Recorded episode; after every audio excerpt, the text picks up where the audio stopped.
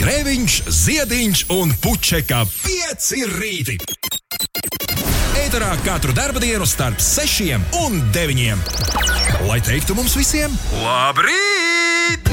Labrīt, Rīga, labrīt, Latvija, labrīt, pasaule, labrīt, Ulu, labrīt, Inese. Jē, jū, jipijē, jipijo. Labrīt! Labrīt!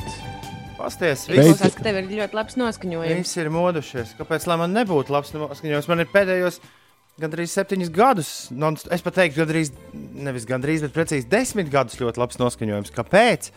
Es tā saku, varbūt nesteigsimies notikumiem pa priekšu, bet, bet piekdien, ne, prieks, ka visi ir pamodušies, jo, jo intensitāte mūsu brīvdienām katram atsevišķi, kā es saprotu, ir bijusi visai atšķirīga. Jā. Tas vien ir jauki, ka ir pagājis atkal kaut kāds, ir bijusi neliela pauze, bet atkal mēs esam kopā precīzi vajadzīgajā laikā un arī nu, gandrīz varētu teikt, vajadzīgajā vietā. Par to vajadzīgo vietu runājot, eh, piekdien, eh, Grēviņš, Ziedņš un Puķeka cilvēki, kuri, kuri ikdienā ir tavā rīta radioaparātā vai rīta podkāstā vai arī rīta atkārtojuma mašīnā. Šie cilvēki satikās, lai tā kā pārspriestu pāris lietas.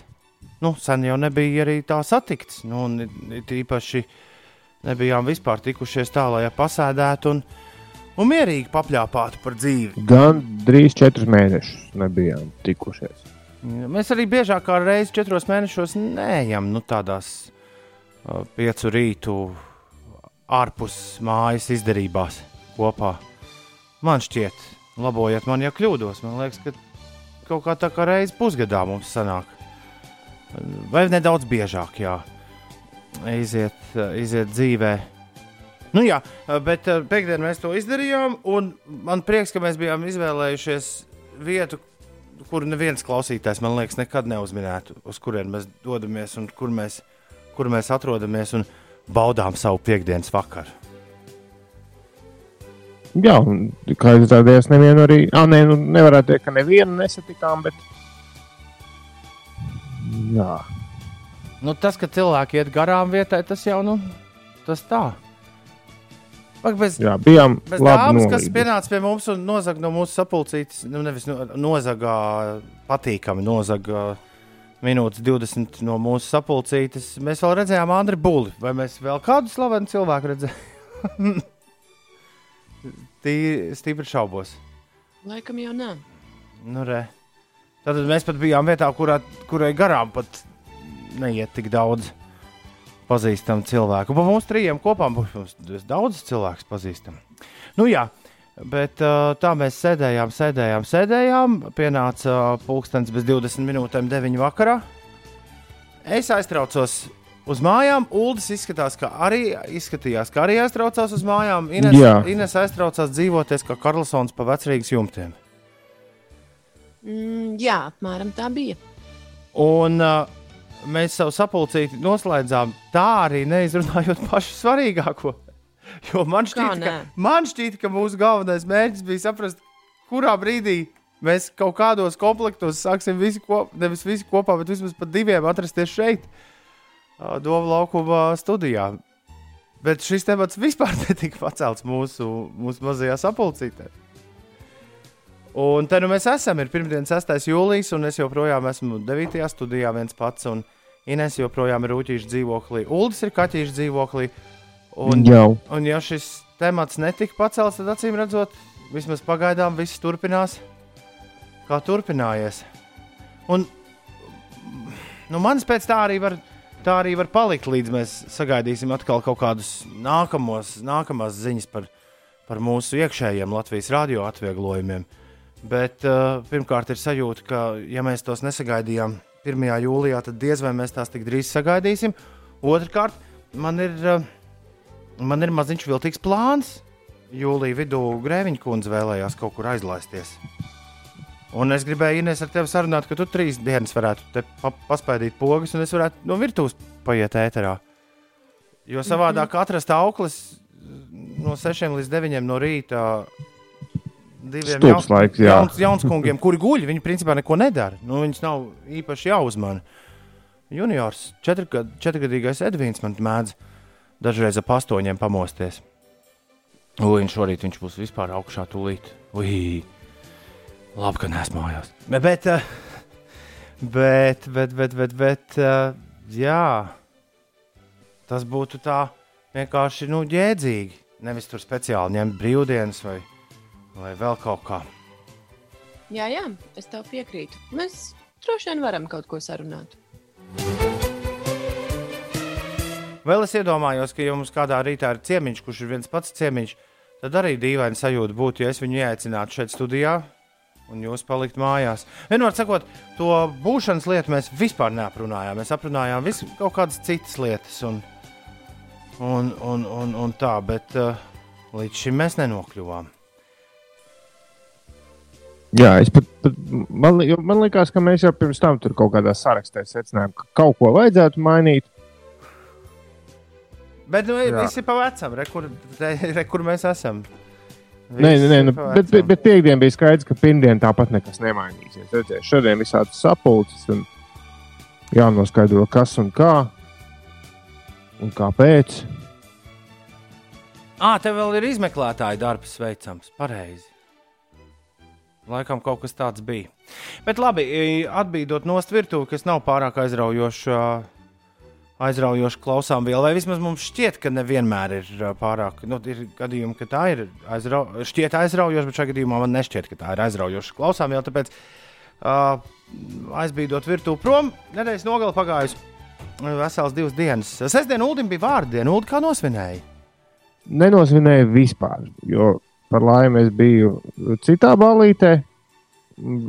Gadus viens aktieris rīko tādu kā festivālu, nu, patiesībā vienkārši sabraukšanu kopā ar teltīm, ar futbolu, kas šogad par laimi bija beztraumatisks un, un nelielu koncertu, un, kurā uzstājas visi, kas vēlas uzstāties.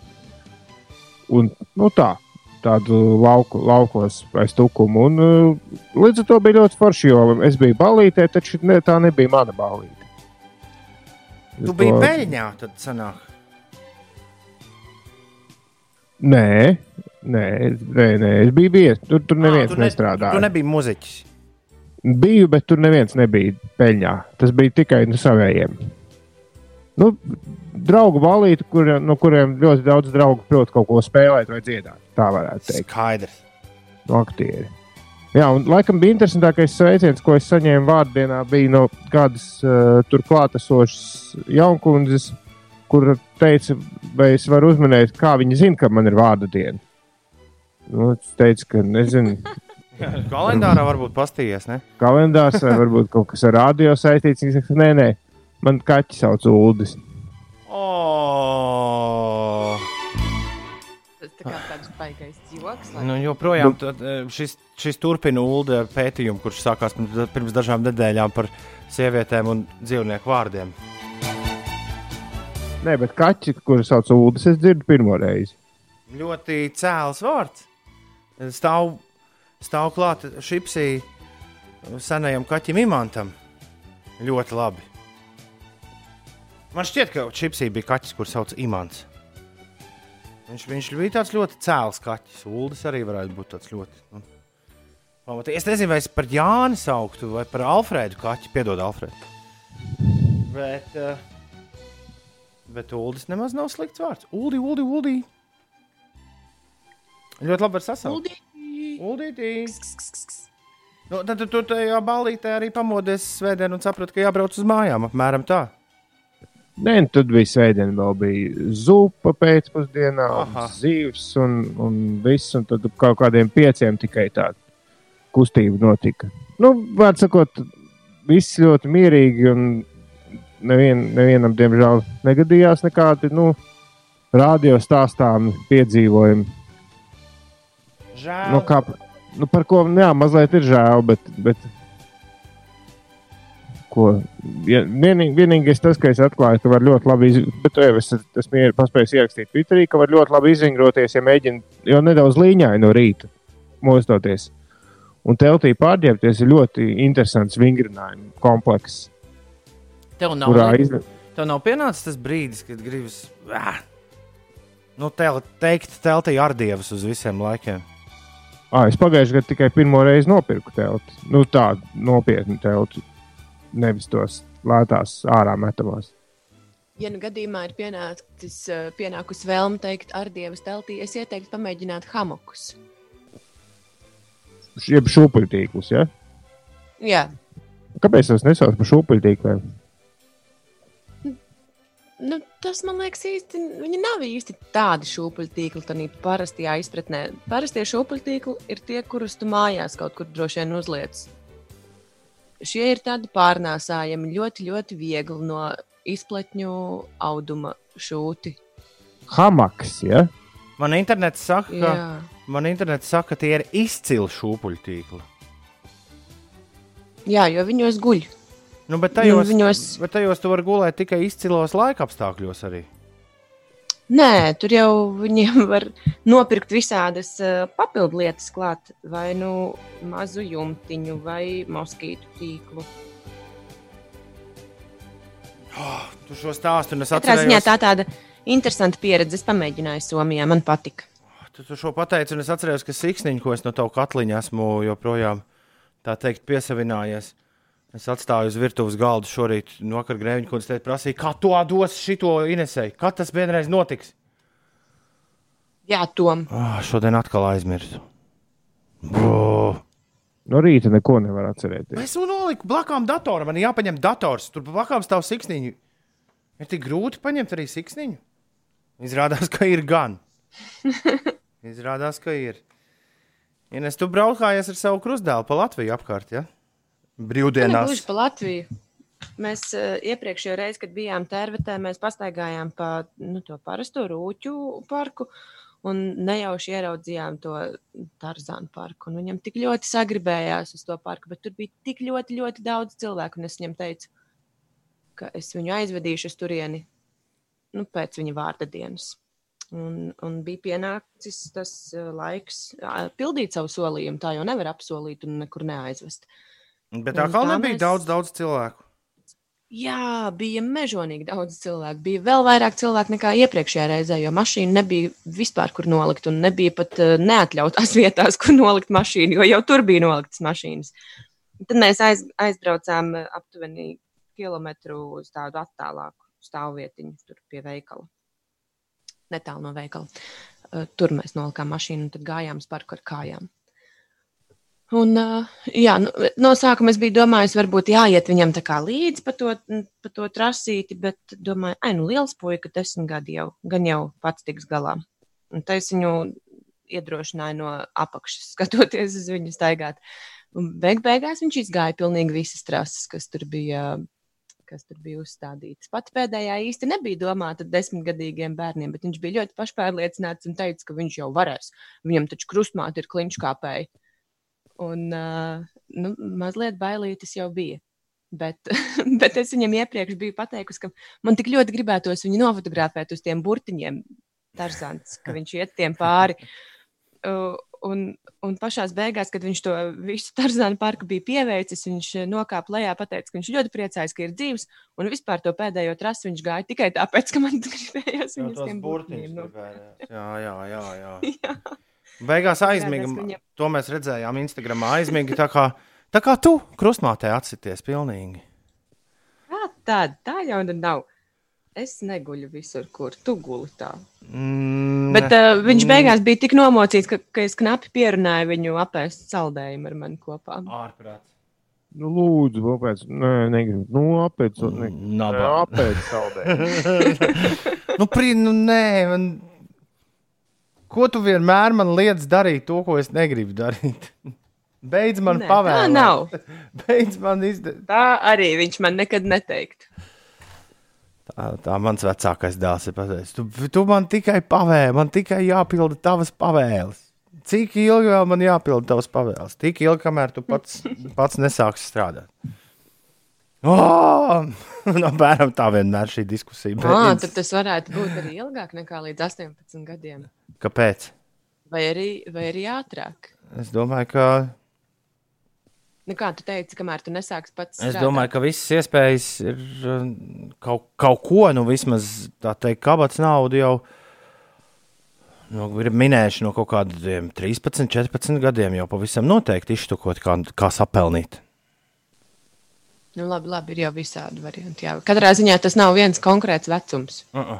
Nav, līdz kuram nav, viņam ir jāpilda tavas pavēles. Man- Man ir ļoti vienkārši. Es sestdienu pavadīju gandrīz visu, uh, gatavojot uh, raidījumu pieci klausās, kas skanēja, par ko es piekdienu aizmirsu jums atgādināt. Gan, gan Inesai un Uldim, gan visiem pārējiem, ka tāds sestdienas vakarā būs manā vadībā. Bet es principā visu dienu tā ļoti lēnām un pamatīgi gatavoju raidījumu. Aizgāju uz šķūni, ierunāju visus tekstus, atnācu atpakaļ virtuvē, visu samontēju. Tad radio darbs mājās tiešām var izvērsties uz diezgan, diezgan palagainu un garu laiku. Un tad jau bija pienācis laiks, man bija jābrauc uz kurmeni, kur es biju, kur es biju apsolījis priesterim Andrejam Mediņam uzspēlēt diskotēku. Uh, viņš teica jauniešiem, bet beigās sanāca tāda pamatīga zaļuma balva pilnīgi visiem kurmenes ļaudīm. Uh, tur es saprotu, ka viņiem tāds kārtīgs festivāls uh, jau no 25. jūnija. Katru vakaru viņiem kāds tur bija bijis. Pirms manis bija Dagamba un Kaupers arī uzstājušies, un vakar uh, Marhilēvičs Šulcis noslēdza uh, šo kurmenes, uh, kurmenes uh, festivālu. Tas viss par godu, ja es, ja es visu saprotu pareizi, tas viss par godu tam, ka ir noslēgušies atjaunošanas darbi kurmenes baznīcai, kas uh, priesteri Andrei Mediņa vadībā ir, nu, kā raksta avīzēs, pārvērtusies līdz nepazīšanai, bet es teiktu vienkārši, ka nu, tādu kļuvusi par Labi atjaunot. kļuvusi par patiešām brīnišķīgu ziedu jau tik nu, skaistajā kurmenes ainavā. Jā, arī mūža, arī, arī, mūža, arī mūža mediņu ļaudis atjaunojuši, ne, brīnišķīgi, Ines. Kā tev patika? Es, kad es braucu garām, tur vēl ļoti rosījās cilvēki. Man, man patika. Tas bija pirms uh, mana ģimenes laivu brauciena. Tur mums pastāstīja vietējie, ka jā, viņiem tiešām gaidāms uh, festivāls. Mēs no sākuma īsti neticējām, ka veselu desmit dienu garumā festivāls varētu notikt tādā nostūrītī. Bet redz, kā tomēr pat Toms Grēviņš tur bija. Varēja jau padot kādu vēsti. Tas jau nav nemaz tik tālu no manis. Uh, droši vien, jā. Piedod, kaut, kaut kā sanāca tā kā vienmēr. nu, zini, kā, Labi. mēs, mēs reti, kad runājam uz priekšu par kaut kādiem pasākumiem radioviļņos, un tā arī man tas, tas līdz galam prātā neienāca. Bet Labi, saka, godīgi, vai tu zināji, uz kuru pusi tev vedīs? es zināju, gan, jā. kurmeni. Es zināju, Ah. ja mēs runājam par Ines geogrāfijas spēli, tad es zināju, gan. Un, uh, un, un, un man tas likās ļoti aizraujoši, jo, ja godīgi, es Ines tur daudz par to pusi neesmu vandījies. Cilvēki bija ļoti jauki, un, uh, un, un, un estrādīt, kurā es uzstājos, uh, bija arī uh, pašu ļaužu rokām uzbūvēta, pie tam milzu ātrumā, kā es sapratu. Un arī, arī šī estrādīte bija kalpojusi kā viena no uh, A- Andreja Mediņa atjautīgajām idejām, kā man stāstīja viņa ļaudis. Proti, viņš bija izdomājis, ka, ja neļaus nu, ļaudīm pulcēties kopā baznīcā, tad viņš dievkalpojums noturētu tur. Tā kā tā estrādīte ir uztaisīta tā kā tāda maza. Uh, kā sauc baznīcā, nevis kancele, bet uh, nu, tas galvenais. Altārs. Nu, tā kā, nu, jā, mierīgi tur varētu iekārtot maziņu, maziņu altārīti. Bet tur var arī uzlikt muzikantus vai, vai disku žokeju. Nu, tā kaut kā. Un, uh, un jā, wow, tad uh, man arī rīktīgi sagriezās līdz ar to, ka diskoteka tik pirms pusnakts beidzās. Tad man sagriezās bišķiņa uh, dienas ritms kājām gaisā. Un vakar, vakar es nu, sen neatceros tādu dienu, kuras laikā es četreiz uztaisītu tādas vismaz pusstundu garas naudiņas. Vakar bija tā diena, bet ārā bija tieši tas pats, kas tagad ir aiz loga. Tāds, tāds absolūti pelēks un, un nomācošs laiks. Tāds kārtīgs laiks, lai vienkārši neko citu nedarītu, kā tikai klausītos džēzu un lasītu grāmatu. Un tieši to es vakar izdarīju, un es izlasīju. No, sen, sen šis nav bijis, ka tu paņem vienu darbu un izlasi viņu no pirmā līdz pēdējiem vārdam dienas garumā. Vakar es tiku galā ar Bulgākovā suņa sirdi. Jā, jā, es zinu, nav pats garākais vai ne gabals. Bet vakardienā ļoti, ļoti piestāvēja un, un forši, ka tas netika pārcelts uz kādu citu dienu. Tālūk. šodien kaut ko līdzīgu gribētu. Neko nedarīt. Jā, jo no atpūtas var, kā vienmēr, nogurt. Kurmenē bijām ciemos pirms gada, raksta Edgars no Siguldas. Tēvs Andrejs ir fantastisks cilvēks. Sveicieni arī no manis, manam vārdu brālim, bijušajos svētkos, raksta Uldis. Es arī nesvinēju, strādāju un skūmu, jo man un sievai nozaga ļoti dārgus riteņus Latvijā. Baigā dāvana man bija svētkos. Tikko vienu riteņu zaglu noķēra, kas tur pa manu rajonu bija darbojies, un tagad, laikam, kad tur meklēja pašus riteņus. Un... Kur viņš viņus iespēja- realizēja? Nestāstīja. Tas nebija. Nē, To būtu interesanti uzzināt, kur tie riteņi nonāk. Manā pagalmā veselu nedēļu bija pieslēgts viens ritenis pie uh, kāpņu margām. Un neviens neņēma. Un neviens neņēma. Tas labs ritenis, kurā, kur, kur adrese? Jā, mēs iesim pagaidām. Man tieši vajag.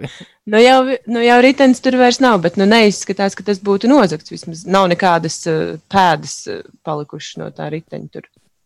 Gan jau, ka saimnieks pats paņēma, bet uh, ļoti ilgi nostāvēja ārā pieslēgts pie margas. Tom, labrīt, esmu piecēlies un čakli un rosīgi taisos uz darbiņu. Nogalē atpūtos, biju ciemos uz kino. Biju. Ko tas skatījies, Alfred? Kaut ko jaunu? Uh, skatījos Latvijas virslīgas mačus futbolā. E, laikam uz virslīgu var iet.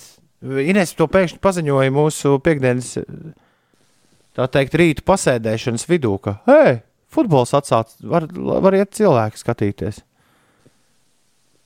Alfrēda, tev vairs Jā. nav attaisnojumi jāiet, jāiet uz vietas, uz stadionu. Ja jau tu esi tāds fans. Un vēl LTV ir Alfrēds skatījies, un tur teicis, ka šodien būs lietaina, nē, ka vispār būs lietaina un pelēka nedēļa. Bet Alfrēds uz to, ot, es atvainojos par fotu, bet eh, šis mums jāņem visiem no Alfrēda piemērs. Viņš raksta, uz to cenšos neskatīties un dzīvot un būt laimīgs. Tūdī, birī, lucky, lucky. Labrīt visapkārt! Today very lucky. Congratulations me! Yay! Nu, tā nedēļa nemaz tik uh, pelēka un mākoņaina, kā Alfrēds uzzīmēja izziņā pirms maz mirkļa, nerādās. Uh, Šodien pats saka, ka jau tūdaļ, tūdaļ bija Lakija, Lakija galvaspilsētā sāks spīdēt saulīt, un, un 12. pat neviena mākonīša nebūšot. Jā. Un šodien vispār mēs varētu arī dzīvot bez nokrišņiem. Latvijas vidas geoloģijas. Latvijas vidas geoloģijas un meteoroloģijas centrs ziņo, ka šodien rietumos daļai mākoņdienas un nokrišņi nav gaidām, bet austrumos mākoņi būs vairāk un vietām līs. Latvijā iespējams arī pērkona negaiss, pūtīs mērens dienvidu rietumu dienvidu vējš, kurzemē un vidzemē pastiprināsies brāzmās līdz 15-18 metriem sekundē un gaisa temperatūra plus 18, plus 23 grādi. Rīgā šodien tiešām tas plus 23 arī uzraus, un tātad, kā jau teicu, nokrišņi nav gaidām. Un pagaidām prognoze rāda, ka rītdien arī nokrišņi nav gaidām. Vienīgi trešdien nokrišņi gaidām, un ceturtdien nokrišņi gaidām. Un, ja sestdienā ir plāni, tad uji. Un tieši ir plāni. Trešdien nokrišņi gaidām visā Latvijā. Nē, nu es par Rīgu, es neesmu Rīgu skatos. Rīgā nokrišņi, ceturtdien nokrišņi. un Sestdien Rīgā nokrišņi. Paldies Dievam, ka tas ir tālu un tur vēl viss var mainīties. Jo Es sestdien zem zilām debesīm biju sadomājis platis uzspēlēt nākamā dienas vidū, bet tur rāda, ka līs gāzīs tā kā ar spaiņiem. To gan nevajag. Scenārijā rakstīts viens vienīgs bēdīgais par piekdienas balli. Tas ir domāts tā kā mūsu balli. Jā, Vai jā. kāds vēl bija? vēl bija piekdiena kādā ballē. Man, protams, interesē, kur Inês bija tikusi uz jumta vecrīgā, bet varbūt ka tas arī nav oficiāli stāstāms. Mm, Tas Radio. bija kāds uh, vecrīgas dzīvoklis, Nu, kāpēc nebūtu oficiāli stāstāms? kam Ja ļaudis dzīvo virs vecrīgas, tad tur var arī tikt pasēdēt, vai ne? Nu jā, kam tāda maza izdeja sanāca arī uz uh, jumtiņa. Un bija taču silts laiks ārā, un kāpēc gan uh, nepaskatīties uz cilvēkiem no augšas, un, un uz gaismiņām un smuko Rīgas uh, ainavu. Oi, ko mīļi, jā, izklausās. Bet pagaidi, tu šito te, nu, kādus, pie kādiem secinājumiem tiki uz tiem cilvēkiem skatoties. Nu, piemēram, vai vecrīgi bija pilni piekdienas vakarā? Jā, es nonācu pie secinājuma, ka es negribētu dzīvot vecrīgā. Lai arī cik skaisti izskatītos pa logārā, bet tas troksnis, kas ir vakaros vecrīgā, nu, tu vienkārši vai nu nevari turēt vakarā logus vaļā, vai arī nevari vakarā aiziet gulēt. Jā, Jo ārā notiek balīti, ir kaut kādi iela muzikanti un, un visādi turisti un vietējie, kas bauda piekdienas vakaru. Kā cilvēks, kurš piecus kā- gadus nodzīvojis vecrīgā ainēs, es tevi ļoti labi saprotu. Tad tāpat kā Spānijā, vajag uh, guļamistabas. Uh, nu, ja tu dzīvo vecrīgā, tad jādzīvo. Nu, jā, guļamistabai pavisam noteikti ir jābūt uh, ri- riktīgi sētā iekšā, nu, prom no, no ielas logiem. Varbūt tas kaut ko mainītu, bet, eh, bet jā, diezgan skaļi. Tā viņš ir. Jā. Pagājušajā cilvēku bija daudz un bija sajūta, ka, ka viss notiek. Jā, jā, jā. Grūti. Šim grūti līdz galam noticēt, ja pats to nav redzējis. Nu, nu tā. Un grūti arī saprast, nu, kā teiksim, salīdzinājumā ar pagājušā gada jūliju, kāda ir tā atšķirība. Cik daudz ir, cik daudz nav. Un tā. Bet, Nu, es domāju, ka salīdzinājumā ar pagājušā gada jūliju būtu mazāk. Tas gan. jā. Man joprojām kā mīkls šķiet visi redzamie turisti. Kā viņi te nonāk? Ar mašīnām. Iekāp mašīnā un atbrauc. Prāms no Helsinkiem jau nav sācis kursēt. Ir jau sen, nu, cik nu sen, jau 27. jūnijā. Tas, Man eh, šķiet, ka tas pat va, atbrauc no man, man šķiet, ka tas vairāk interesēs pat uh, Helsinkas, Helsinku ļaudis nekā mūsu ļaudis. O, ar uz Rīgā aizbraukt. Aizlaižam. Lētāk nekā palikt šitā uz nedēļas nogalu. Klau, uh, jā, vēl par kurmens diskotēkā atgriežoties sestdienas vakarā. Bieži es tā nedaru, bet es kurmenē izspēju tur jau no paša sākuma, kad es sāku krāpēties, kāds vīrs kaut ko par maskarponu bļaustījās. Es mēdzu uzlikt eh, šī raidījuma visleģendārākā leģendārāko minūti šī raidījuma vēsturē par nu, to, kā kaut kāds džeks piezvanīja un paprasīja, lai uzliek dziesmu par maskarponu. Nu, un tad tam seko loģiski Gorkija Parka leģendārais hits Moskau Calling. Un uh, izdarot šo gājienu, es pēkšņi atcerējos to, ka jums nekad neesmu pārunājis. Vai jūs zināt, ka mūsu, uh, mūsu maskarpones sketčs ir kļuvis uh, par nelielu vairālu izdarību TikTokā? Proti, ļaudis to izmanto, lai, uh, lai paši plātītu mutes. Nē, bet mēs arī neesam tie aktīvākie TikTok lietotāji. Jā, tas tur ir. Tā, Nu, lai paši plātītu mutus. Ko tad, ko tu saki?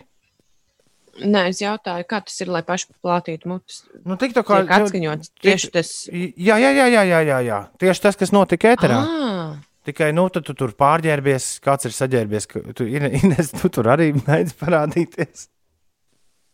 ko? Nu, jā, tu arī piedalījies tajā sketčā. Es zinu, ka es piedalījos, bet es piedalījos tikai ar vienu teikumu. Nē, nezinu. Nu, droši vien, ka tas tur arī tad ir redzams. To es tagad nemeklēšu, bet vakar man bija liels prieks, ka es tikko uzgāju lielo muļķu televīzijas seriālu uh, kontu, kur visādi foršas lietas. Meklēt, liela jēga nav, jo radio tas skanētu tāpat kā Tieši, oriģinālais tieši, tā, audio. tieši tā, tieši tā. Bet uh, vismaz lielo muļķu TikTok konts man aiznesīs, un mūs visus aiznesīs pie nākamās dziesmas uh, šīs dienas ēterā. Uh, jo lielo muļķu TikTok kontā Edgars Bāliņa Rainītis intervē to otru džeku no sushi, ja teiktu. 50 cents. 50. Viņam puška ir. Viņš tur jau uzdod visādus jautājumus. Snowdogs vai Viņi met lamāties 69? Tur nemelamājas. Cik Ne. snāri viņš cietumā bija? Come on. Labi. Un, uh, un kurš labāks uh, reperis Bermudu divstūris vai Gačo? Be, protams, ka Bermuda divstūris. Viņam vēl tā, uh, viņam vēl tā dziesma bija debesis iekritās tevī ar jabaltu uz ģitāras. Debesis iekrita,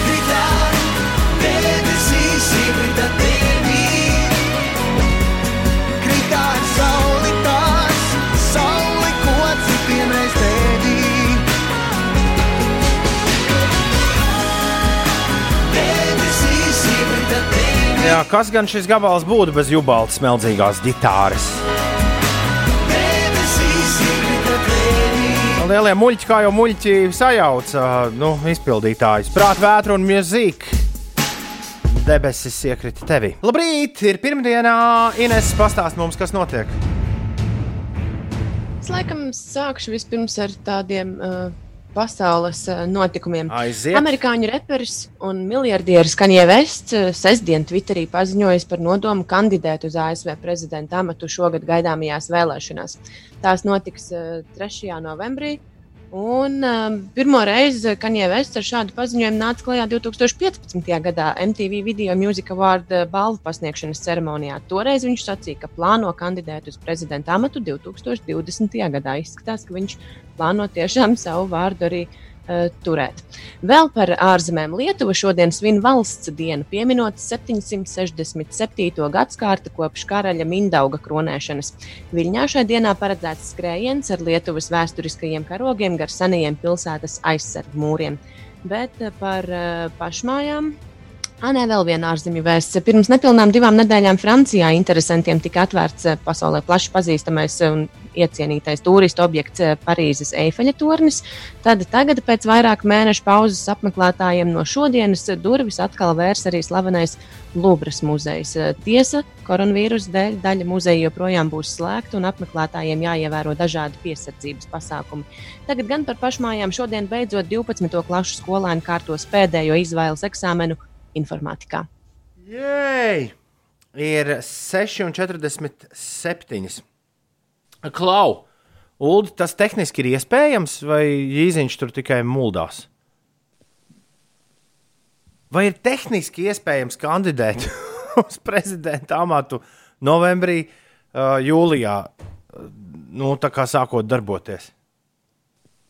Mm, tā kā man šis bija interesantajās Vismaz ziņās, nu, ziņā. laikam vairs nebūs. Tad es vēl neesmu to rakstu īsti, īsti izlasījis. Nu, ziņā CNN raksta, ka rakstīts, viņš neko vēl nav darījis. Nu, bet ja viņi. eh, Es vienkārši domāju, tā, mē, tā ņemšanās, ko, joprojām, jā. tā ņemšanās, kas ir not, notiek vai ne pēdējā pusgada laikā. Un tur liekas, ka visi tie zirdziņi jau sen ir izgājuši arēnā, un, un, un kā mēs labi zinām, dažs labs jau ir arī beidzis savu skrējienu. Nu, tur ir tās ir tās priekšvēlēšanas uh, abās lielākajās partijās, bet, bet Amerikā jau ir nu, daudz nezinu, ka ir vēl visādas mazas partijas, par kurām tik daudz nerunā kā par demokrātiem, republikāņiem. Un es, es god, godīgi sakot, es nezinu, vai, viņi, vai nav iespējams viņu izvirzīt no kādām no tādām um, mazpartijām. Vai vispār jābūt? Esot, Viņš ir čoms lielajam Donaldam. Kāpēc? nē, nesot gan. Viņš domā, ka Ah. viņš tomēr ir ticis izmantots.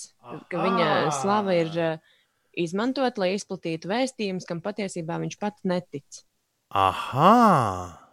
Un tad viņš, tagad viņš vēlāk uh, ir sacījis, ka ir nopietni nodomājis kandidēt uz prezidenta amatu, bet tomēr nedarīs to ātrāk par 2024. gadu. Tā kā nevar īsti saprast. Uldis sataisīs interesantu ziņu. Ne, viņam esot uh, jāpiereģistrējas, jānoprezentē kampaņas, kaut kas tur, kaut kas tur, un jāsavāc paraksti. Nu, pēdē, pēdējais grūti nebūtu. Jā.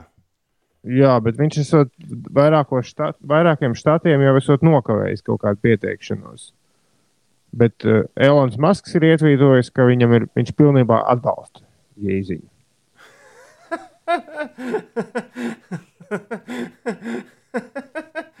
Lieliski. Ar īziņu tad arī turpinām. Es atvainojos ar, tūpo, ar topošo prezidentu kungu. Get down, Get down, girl. Go ahead, get down. Get down, girl. Go ahead, get down. Get down, girl, go ahead. Let me hear that back. Kanye Wests kopā ar Jamie Foxu Golddigger 6.53. un reiz Čārlis tur ar pa starpu dzied. Oh, un lai arī Siguldas Edgars raksta, ka nākamais etaps būtu likt par ASV prezidentu Mikiju Peli, Supermanu un tad Homeru Simpsonu. Nu, šis bija nopietnāk. Tomēr vienīgi man liekas, ka interesanti, ka Kanija neviens nav pateicis, ka viņam ar to mūziku gan būtu tā struntīgāk. Nu, vismaz četrus gadus. kamēr viņš būtu prezidenta amatā. Kāpēc? Nu, Nu, Būtu bet- taču tik forši tāds muzikāls prezidents. Es šaubos, ka viņam būtu laika ierakstīt bet- visādus ar Travisu Skotu duetus. Bet pasties, cik daudz Trumpam ir laika visu kaut ko darīt. Nu, bet viņš taču nefilmēs, piemēram, kinofilmās, kas bija viņa hobijs, kā mēs zinām, pirms tam. Viņš, man liekas, golfu spēlē stundām ilgi un brauc uz saviem tur atpūtas kompleksiem. Un, Tad, kad tu esi prezidents, tad ir uh, tev, tev viss kaut kas atrisinās. Nu, Es domāju, ka tev nekur nav jāgaida. Līdz ar to tu arī vari atļauties kaut kādā sev brīvajā, iedotajā laikā, kurš noteikti nav daudz, mm, arī, arī padarboties. Es nekad neaizmirsīšu, nu, tad, kad, tad, kad kādreiz šķiet, kā var, nu, pa kuru laiku tādu cilvēku atpūšas, kā Donalds Trumps. Un ir vēl visādi tādi. Tad uh, es atceros, kā man reiz, uh, reiz jā, mūzikas žurnālisti gaitas iesākot tulkojot kaut kādu interviju ar Britniju Spīrsu, ka es uzgāju faktu, ka tad, kad uh, Britnija Spīrs bija sākusi savu karjeru, tad viņai kādus pirmos karjeras piecus gadus grafiks bija šāds trīs nedēļas darbs, nedēļa atpūta. Un tā konstanti. Un viņa teica, ka tādā veidā ļaudīm vispār nu, nevienā brīdī nerodas sajūta, ka tas cilvēks ir nogājis no skatuves. mm. Nu, ja var ticēt, Vienīgi viņa teica, ka nu, tā, tā ceturtā nedēļa esot diezgan dīvaina. Nu, jo tev ir trīs nedēļas, tur Ņujorka, Tokijā, Londonā, Parīzē. Viss notiek, notiek, notiek koncerts. Tur. Un pēkšņi pirmdienas rītā tu pamosties, tagad tā pagaidu. Savā Kalifornijas mājā. Viss klusums, miers. Un tā paiet visu nedēļu. Nākamās pirmdienas rītā. Atkal trīs nedēļas. Kam var ticēt, Ulu? Nē, ja var ticēt tām ziņām, ko visādi tur ļaudis, kas ir Baltijā namā apgrozījušies, stāsta anonīmi vai mazāk anonīmi, tad Trumps jau tā īsti nu, baigi daudz nestrādā. Nu, jo viņš nelasa to, ko, nu, tur tos ziņojumus garos, viņam nepatīk lasīt. Un, un ir aizdomas, ka viņš katru dienu diezgan daudz stundas pavadīja vienkārši skatoties televizoru. Un lasot Twitter. Nu, nu jā, un rakstot. Nu, tur gan viņš pats arī daudz neraksta. Šo to raksta. Ines, tu gribi Everestā uzkāpt? Grūti atbildēt uz šo jautājumu tā vienā, vienā teikumā. Varbūt, ka jā, kāpēc gan nē? Jā?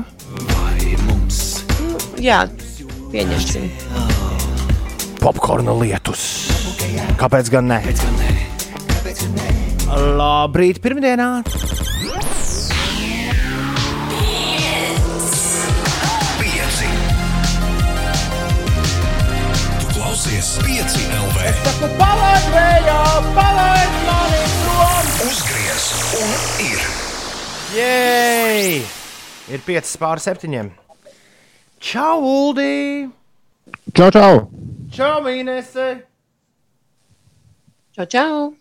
Tu zināji, Ines, ka Lietuva savulaik bija lielāka nekā tagadējā Francija un Vācija kopā ņemtas?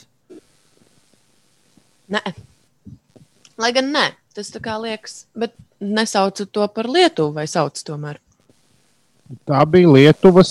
Uh, es, ah, es tikko aizvēru šo te.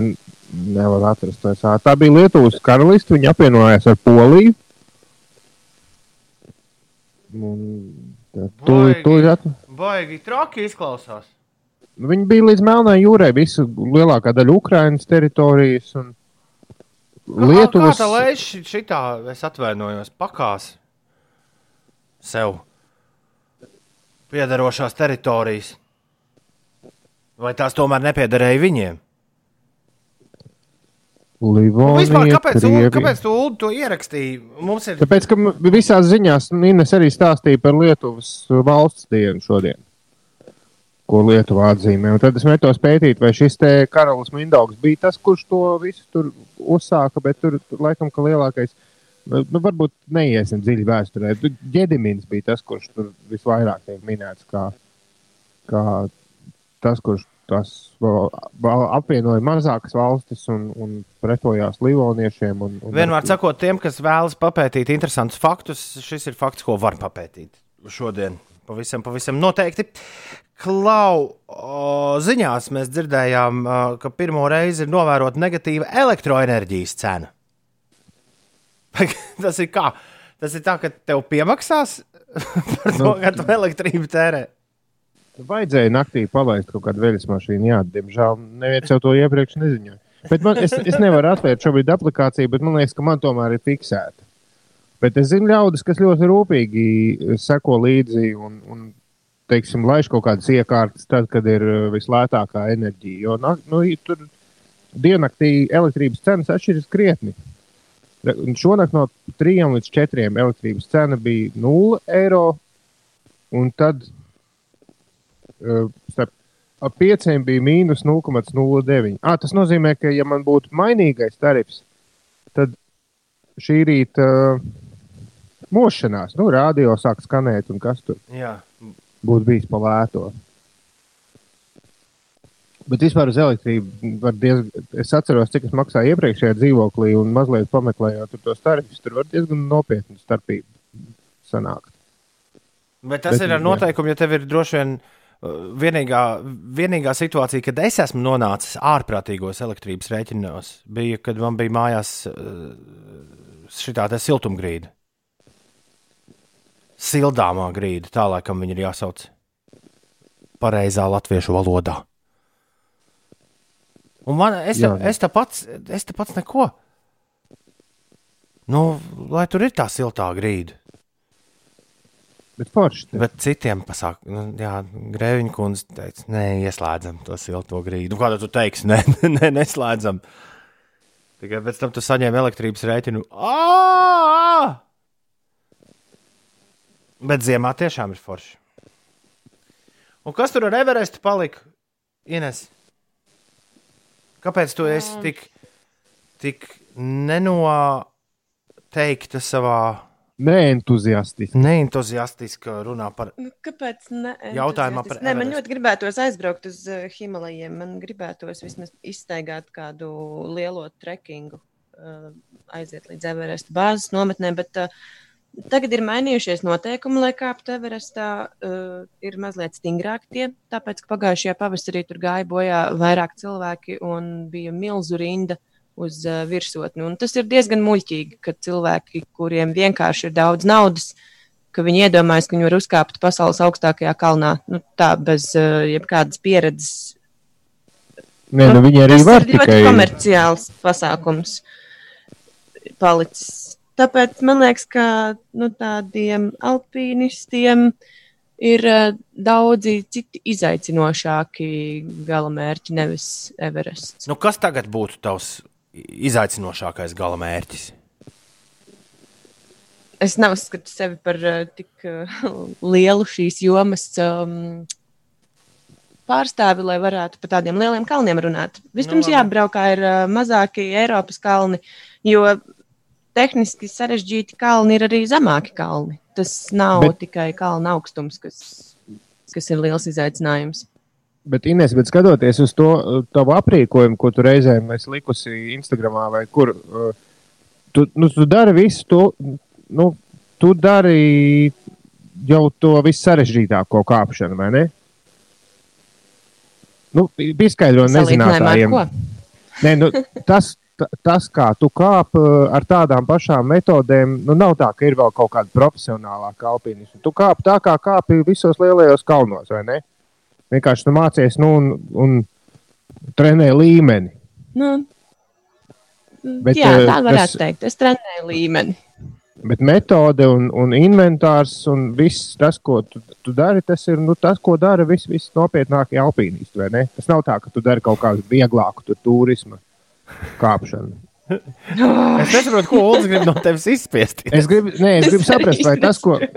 Nē, nu kā, nu, es, nu, tāpēc, ka tu vari kāpt uh, svētdienās, braukt te uz kaut kādu klinšu sienu, kāpt tepat Rīgā, un tad tu vari kāpt uh, Everestā. Un uh, es gribu saprast, vai tas, ko dara Ines eh, tajos savos braucienos, ir tas, ko dara tie paši, kas kāpj tajos lielajos 8000. Es tev atbildēju pirms trīs minūtēm. Nu, jā, skaidrs. Mēģināju- metodas tiek pielietotas, jā, tādas ā, nu, tradicionālās, lai, kā lai tā pasaka, nu, Tu esi kāpus Jā, metodes- ledu, Jā, jā, jā, jā, jā. Un visu Teiksim, pārējo. Nu, sk- skaidrs. Šādas tādas esi uh, apģērba lietas, tās gan krietni atšķirtos, jo ir milzīga atšķirība, vai tu atrodies uh, 3 km augstumā vai 8 km augstumā. Jā. Tas, ko es gribēju noskaidrot, vai es varu roku sirds liekot, teikt uh, draugiem un paziņām, ka mums Inês ir īsta alpīniste. Tagad es zinu. Šis noskaties, lūdzu, manu uh, mācies ar pieci. Tad, es, Jā. tad tu varbūt sapratīsi. To var Instagramā. Es- to. To, to var Instagramā 5 LV kontā dabūt. 5 jāraksta ar burtiem. Tur ir. Es jūtos mazliet nērti, kad jūs mani tā saucat, jo es nevaru sevi ielikt tādā alpīnistu kategorijā, vienā maisā ar Latvijas eh, labākajiem un eh, pieredzējušākajiem alpīnistiem. Man liekas, ka alpīnisms prasa lielu, lielu pieredzi, un es neuzskatu, ka man tā pieredze ir tik liela, lai es sevi tā sauktu. Tāpēc es saku, ka es esmu alpīnisma entuziasts. Es ceru, ka mēs kādreiz arī Ulu šitā par trombonu štēlēm izpratināsim. Vai Inês ar āmurīti dzēn klintī metāla stieni, lai pievienotu sakabes? Nē. Eh, Man liekas, ka šādas lietas Eiropā vairs darīt nedrīkst. Tikai Krievijas kalnos vai no atsevišķās vietās var kaut ko dzīt iekšā klintī pats. Tamdēļ tagad ir uh, pavisam citas lietas. Frendi un ielikņi, ko liek uh, Fre frendi? Jā, frendi. Tā kā, Frendi tā kā seriālā. Friends. es Jā, īstenībā, bet- jā, tā metaforiski padomājot, tie tiešām ir diezgan labi tavi draugi, ja viņi tev palīdz noturēties uz klinšs sienas. Kraps Rēns ir atsūtījis Aņuku. Kur ir Inês mīļākā grupa? Protams, tā ir grupa Striķis. Tētim čau, mammai čau, arī vecai mātei čau. Nē, es neesmu dzirdējis, ka Inês kaut ko šādu klausītos. Tētim čau, mammai čau, arī vecai mātei čau. Tā ir grupa Striķis. Ir ā, 14 jau pār 7. Ew, kas te notiek? Tikai mieru. Ir pirmdiena, 6. jūlijas, skan Latvijas radio 5,5 LV. Šis ir raidījums 5 rīta, Graviņš studijā, Puķek un Ziediņš pa mājām. Mēs esam kopā ar tevi un tu sāc savu jauno darba nedēļu. Mēs tā kā turam, turam tev roku, nu, lai viss izdodas tā kā plānots. Un viss arī izdosies tā kā plānots, jo šodien ir varena diena. Kā es tev saku, varena. Varena.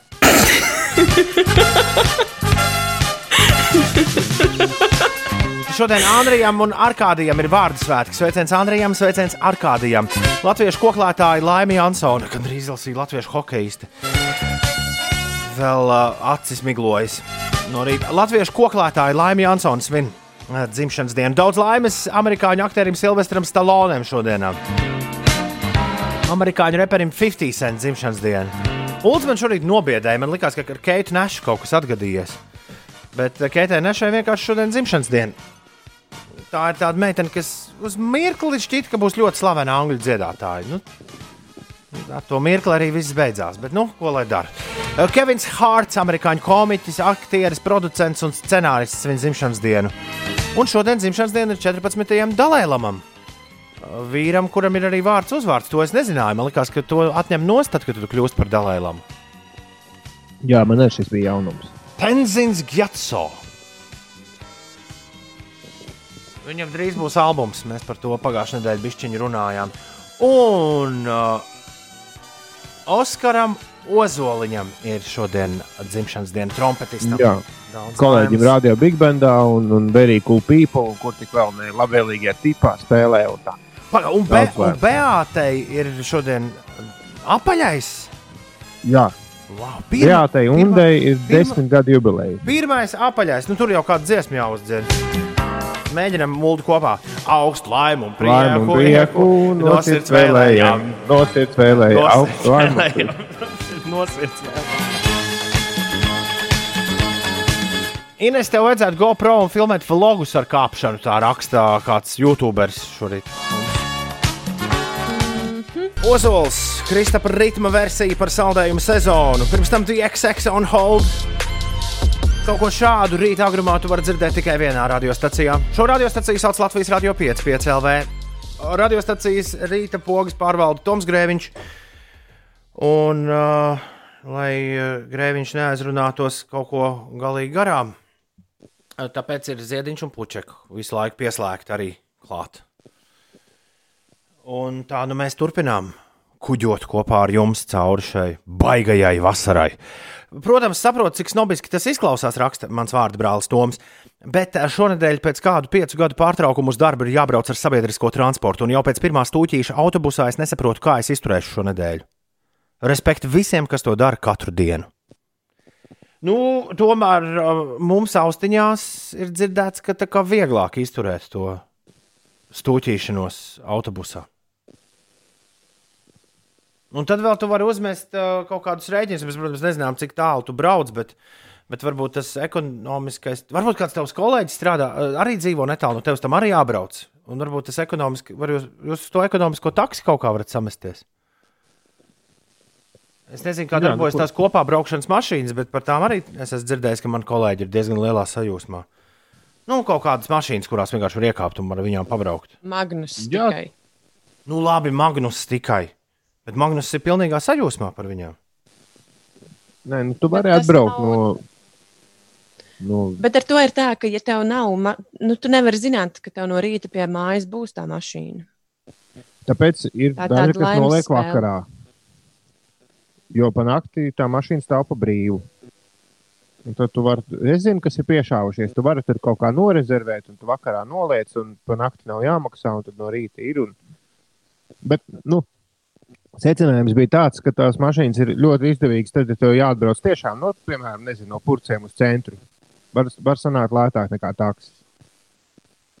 Bet uh, brauciens, piemēram, uz, nu, kaut vai, piemēram, uz jūrmālu, uz, uz kaut kādām 3-4 stundām uz jūru, tur jau ievelk jau 25, 30 eiro. 20, Mm, ne, tur taksi, taksīts lētāks. Taksīts lētāks. Nu, nu, tur bez maz vai, jā. Nu, tādā ziņā tas, nu, Ko bez maz vai? Man ir līdz.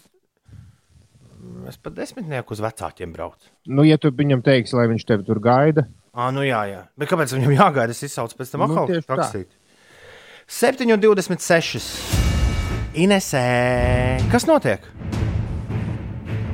Par laikapstākļiem, kādi šodien gaidāmi daļai mākoņains laiks būs šodien valstī. Austrumu novados mākoņi būs vairāk un daudz viet arī līs. Latgalē ar lielāko varbūtību Baltkrievijas pierobežā iespējams arī pērkona negaiss. Dienvidu rietumu vēja ātrums brāzmās sasniegs 13,18 m2 un lēnāks vējš būs Latgalē un Cēlijā. Tāpat eh, gaisa temperatūra paaugstināsies līdz plus 18, plus 23 grādiem. Rīgā nav gaidāmi būtiski nokrišņi, un starp mākoņiem uzspīdēs saule. Dienvidu, dienvidu rietumu vējš brāzmās pastiprināsies līdz 13 metriem sekundē, un gaiss iesils līdz plus 22 grādu atzīmē. Par situāciju uz autoceļiem jau ir izveidojies sastrēgums uz Jālgavas šosejas A8, braucot Rīgas virzienā. No Dabas līdz Jaunolēnai jārēķinās ar aptuveni 26 minūtēm. Par Rīgas ielām, Krustpils ielā vienīgā vieta, kur ir neliels sastrēgums, tad posmā no Hanzas ielas līdz Elizabetes ielai. Tā nebija tā iela, no Rencēna ielas līdz Granīta ielai. Tur ir jārēķinās ar 7 minūšu kavēšanos. Pulkveža brieža ielā aptuveni 5 minūtes pavadīsiet posmā no Hanzas ielas līdz Elizabetes ielai, bet citviet izskatās, ka viss ir diezgan mierīgi un vēl veiksmi 12. klases skolāniem, kam ir pēdējais izvēles eksāmens, un tās ir informātikā. Informātikas eksāmens! Alt, href, kvadrāti iekavs vaļā, kvadrāti iekavs ciet. Enter! Bijušais Vampire Weekend, uh, Džeks, nu, kurš pamet Vampire Weekend, Rostams Batmanglīs ir atbildīgs par visu, kas skan Haimu jaunajā platē Women in Music Part 3. Šeit viņa rokraksts ļoti labi var dzirdēt. Ja ir zināms, kāds ir viņa rokraksts. Haimas un Los Angeles skaņdarbs, kas atklāja Women in Music Part 3. Un sākot rubriku, ko darīt šonadēļ? Joprojām kā viens no vissvarīgākajiem 2020. gada albumiem, kas jānoklausās un kas eh, salīdzinoši nesen klajā nācis, arī Haimu Women in Music Part 3 ir jānosauc. Gan Inesē Džeziņā, gan Uldim savā, savā mašīnā iesaku kādā brīdī nospiest play šai platē. Uh, nu, lūk, uh, kurš atceras tādu seriālu Luters? Uldis ir skatījies tādu Luters. Nē, esmu, bet zinu, tur tas uh, aktieris, kur vienā brīdī par Bondu gribēja pataisīt, vai viņš piekrita, vai Id, Id. Idris Elba. Jā, Jā, tas tur bija. Bet šoreiz nevis par Idris Elbu, bet par Lutera režisoru Samu Milleru gribēju teikt, ka ir HBO kompānija laidos klajā jaunu seriālu, kuru sauc I May Destroy You. Latvijasiski tas tulkots kā Es varētu tevi iznīcināt. Un cik nu es te pēdējās dienas esmu internetā bišķiņu pabakstījies, izskatās, ka tas ir tas, kas tagad ir jāskatās. Es varētu tevi iznīcināt. Latvijā pieejams ir uh, četras seriāla epizodes. HBO rāda tātad shortcut un, un, un LMT traumas platformas. Uh, jā, un Netflixī savukārt esot tagad jāskatās, uh, Uldis man mēģina pierunāt jau gandrīz nedēļas garumā, paskatīties Homemade 17 uh, režisoru īsfilmas, kuras visas ir veidotas karantīnas laikā mājās. Un uh, starp režisoriem ir daudz nepazīstamu režisoru, bet ir arī, piemēram, uh, jaunā pāvesta un uh, jaunākā pāvesta, vai kāda bija tur. Nu, Un, un, jā, jā, un nu visādu, visādu foršu filmu režisoru Paulo Sorrentino. Minifilma Rečela Morrisone, uh, Melnās Panteras režisori ir arī uztaisījusi filmiņu. Un uh, Rekur Džeka Gilenhola māsa, Megija Gilenhola arī. Un bija vēl viena komiķa, Kristēna Stjorta. Jā. Tā arī ir uh, uzfilmējusi, uzfilmējusi filmiņu. Tā kā, tā kā tās visas filmiņas kopā meklējiet uh, Netflix, un to visu kopā sauc Homemade. Man pat reklāma bija izlikusi vienu dienu. Ja es tā skatījos. Var arī uz ķīnīti aiziet. Tur tām es gāju paskatīties, kas ar jaunajām filmām. Nu, m, baigi traki izskatās mūsu kino organizētājiem. 21. augustā tagad tuvākā pirmizrāde, kas rādās, kas varētu notikt visā pasaulē. tā kā, ā, Kopā savākt, tad tā būs Disneja Mulāna. Bet nu, līdz 21. augustam vēl laiciņš ir laiciņš jāpadzīvo. Negribu jau Nu, jā, nevienu biedēt, bet vēl viss kaut kas var mainīties. Tāpēc mans vēlējums ķersim to, ko var noķert tagad. Un otro nedēļu notiek uh, Latvijas galvaspilsētā vasaras Rīgas restorānu nedēļa. Cik zinu, neviens no mums nav vēl pagaidām bijis nevienā restorānā. Uh, Šonedēļ, šogad tā notiek divas nedēļas pēc kārtas. Es šodien uh, grasos doties uz vienīgo restorānu, Rīgas restorānu nedēļas ietvaros. Bet Ulim es tomēr gribu Ulu pierunāt kaut kur aiziet. Ulim atkal jāpasaka stop. Es te pa ēdienkartēm skraidu šobrīd. Es tev, es tev Ulu, izvēlēšos, kas tev būs jāēd. Tev Nu, būs, stop. tev būs jāēd lielopa mēle, kabaču ikri, mārutku, krēmsieras, marinēts gurķis un rudzu maizes grauzdiņu. Un tie ir nevis daudz ēdienu, bet viens ēdiens kopā. Tad tev ir jāizvēlās, vai tu ceptu foreli vai lēni gatavotu cūkas pavēderi gribi. Pamata, pamatā. foreli, foreli. Labi, tad uh, foreli tev nāks ar zaļumu grozu, kurā būs kūpināts tomāts, dīļu, eļļā noturēts gurķis, burkānu biezenis un ābolu baltvīnu mērce. Un saldajā tev būs zemenes un piespienas, zemeņu žēlēja, piespienas krēms, smilšu mīklas cepums un zemeņu sorberts. Un kur to ēst, to meklējiet. Vasaras Rīgas restorānu nedēļas bukletos, gan digitālajos, gan taustāmajos Livrīga ir par to atbildīgi. Es beidzu. Jā, Labi. Kuram tagad kārta? Nu, it kā Uldim. nu labi. Nu, labi. Tad iesim uz rīņķa, kā studijā. Jā. nu, man ir jāsacina, ka visu cieņu organizatoriem, un, un, un tā kā es pats esmu šīs nozares, mūzikas nozares pārstāvis, tad, tad uh, prieks, ka viss kaut kas notiek. Bet ir sajūta, ka visi atkal dara vienu un to pašu. Ja pirms kāda laika bija tā, ka trīs vietās vienlaicīgi notika autokoncerti, tad šobrīd visās malās notiek brīvdabas koncerti. Kas ir nu, loģiski, jo brīvdabā ir daudz Ir vasara, vienkāršāk. ir vasara starp citu. Nu, ir vasara, un otrs ir tas, ka tu vari daudz uh, nu, vieglāk uz, ievērot visus tos drošības noteikumus. Un arī cilvēku daudzums, kas var pulcēties brīvdabā, ir daudz lielāks.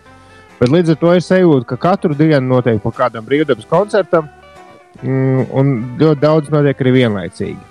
Eh, Rītdien eh, šis varētu būt jauka tradīcija. Rītdien Kalnciem kvartāls uh, atgriežas 12 gadu senā pagātnē, kad sākās tur brīvdabas koncerti ar brāļa Petrausku un Rihardu Zaļupas uzstāšanos. Viņiem tāds silent trio. Un tagad viņi ats, uzsāks otrdienās rāmo šovu, tādu kā tradīciju, un uzstāsies atkal tie paši, kas to visu Kalnciem kvartālā lietā izsāka. Brāļa Petrausku un Rihardu Zaļupu. Tas uh, rītvakar Kalnciem kvartālā. Mārupē būs saulēta koncerts ar dzelzceļa vilku un čipsu un dūlo. Tas trešdien. Tur arī ļoti tajā pašā laikā trešdien notiks arī laika suņu un rockaberijas koncerts spīķeros. Tas arī trešdien. Savukārt sestdien, sestdien ir rīktīgi jārojas uz pusēm, jo tepat Rīgā, Ziemeļā-Ankurā, tas ir pie vidzemes tirgus, notiks Ankurfests, kur būs daudz grupas. Katrīna Gupalo būs tur uzstāsies, Doni Tondo, Galaxija Bosons, Bozons, laikam viņš izrunā. Zontāks Leģion, PMD un noslēpumainais akts. Un par enerģiju rūpēsies neviens cits kā DJs Toms Grēviņš. Mm. Paldies par enerģiju. Jā, un, ka, un lūdzu, pēc tam mums izstāsti, kas ir tas noslēpumainais akts. Es zinu jau tagad, bet. Ah, nu labi, bet tad- tad- tad vēl nesaki. Atcerieties, kādreiz instrumenti visur bija. Nu, jā. Un tagad domā, kas, pa- padomā, kas mūsdienās ir visur noslēpumainais akts. Vairs nav tie instrumenti, tas ir kāds cits. Un tad tu būsi Labi. pats sev atbildējis uz šo jautājumu.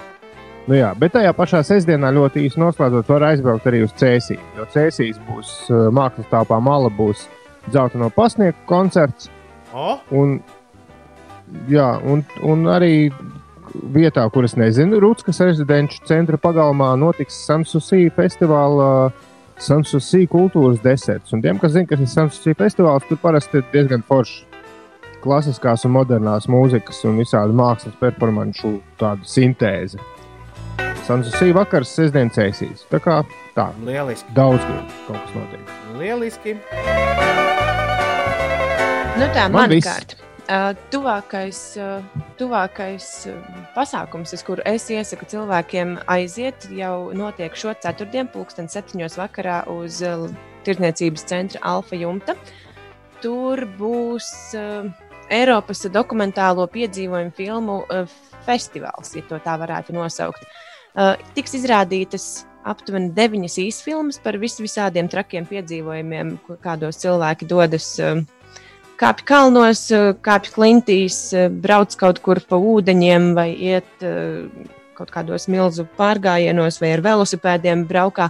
Es biju pagājušo gadu uz šādu pasākumu, un man ļoti, ļoti patika tās īsfilmiņas, ko es redzēju. Tur arī es satiku uz vietas puisi vārdā Toms Bels.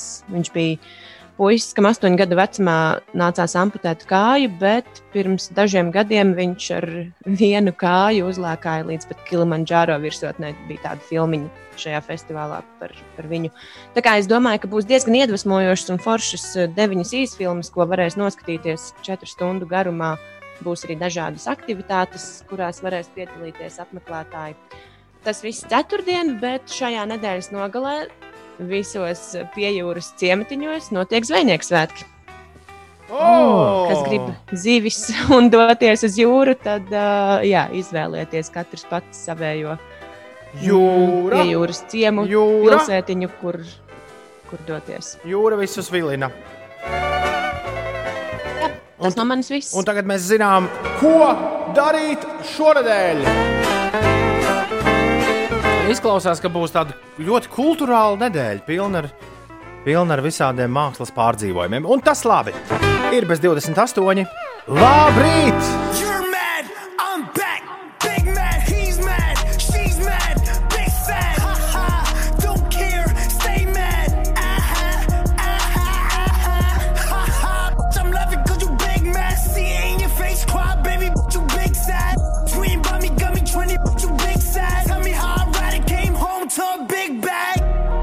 Vai ik reiz, kad es dzirdu 6-9, tomēr um, nu, nevaru es neatvērt to viņa Wikipēdijas lapu vaļā, kur rakstīts, ka šis jauns kungs Daniels Hernandez ir amerikāņu reperis, dziesminieks un noziedznieks.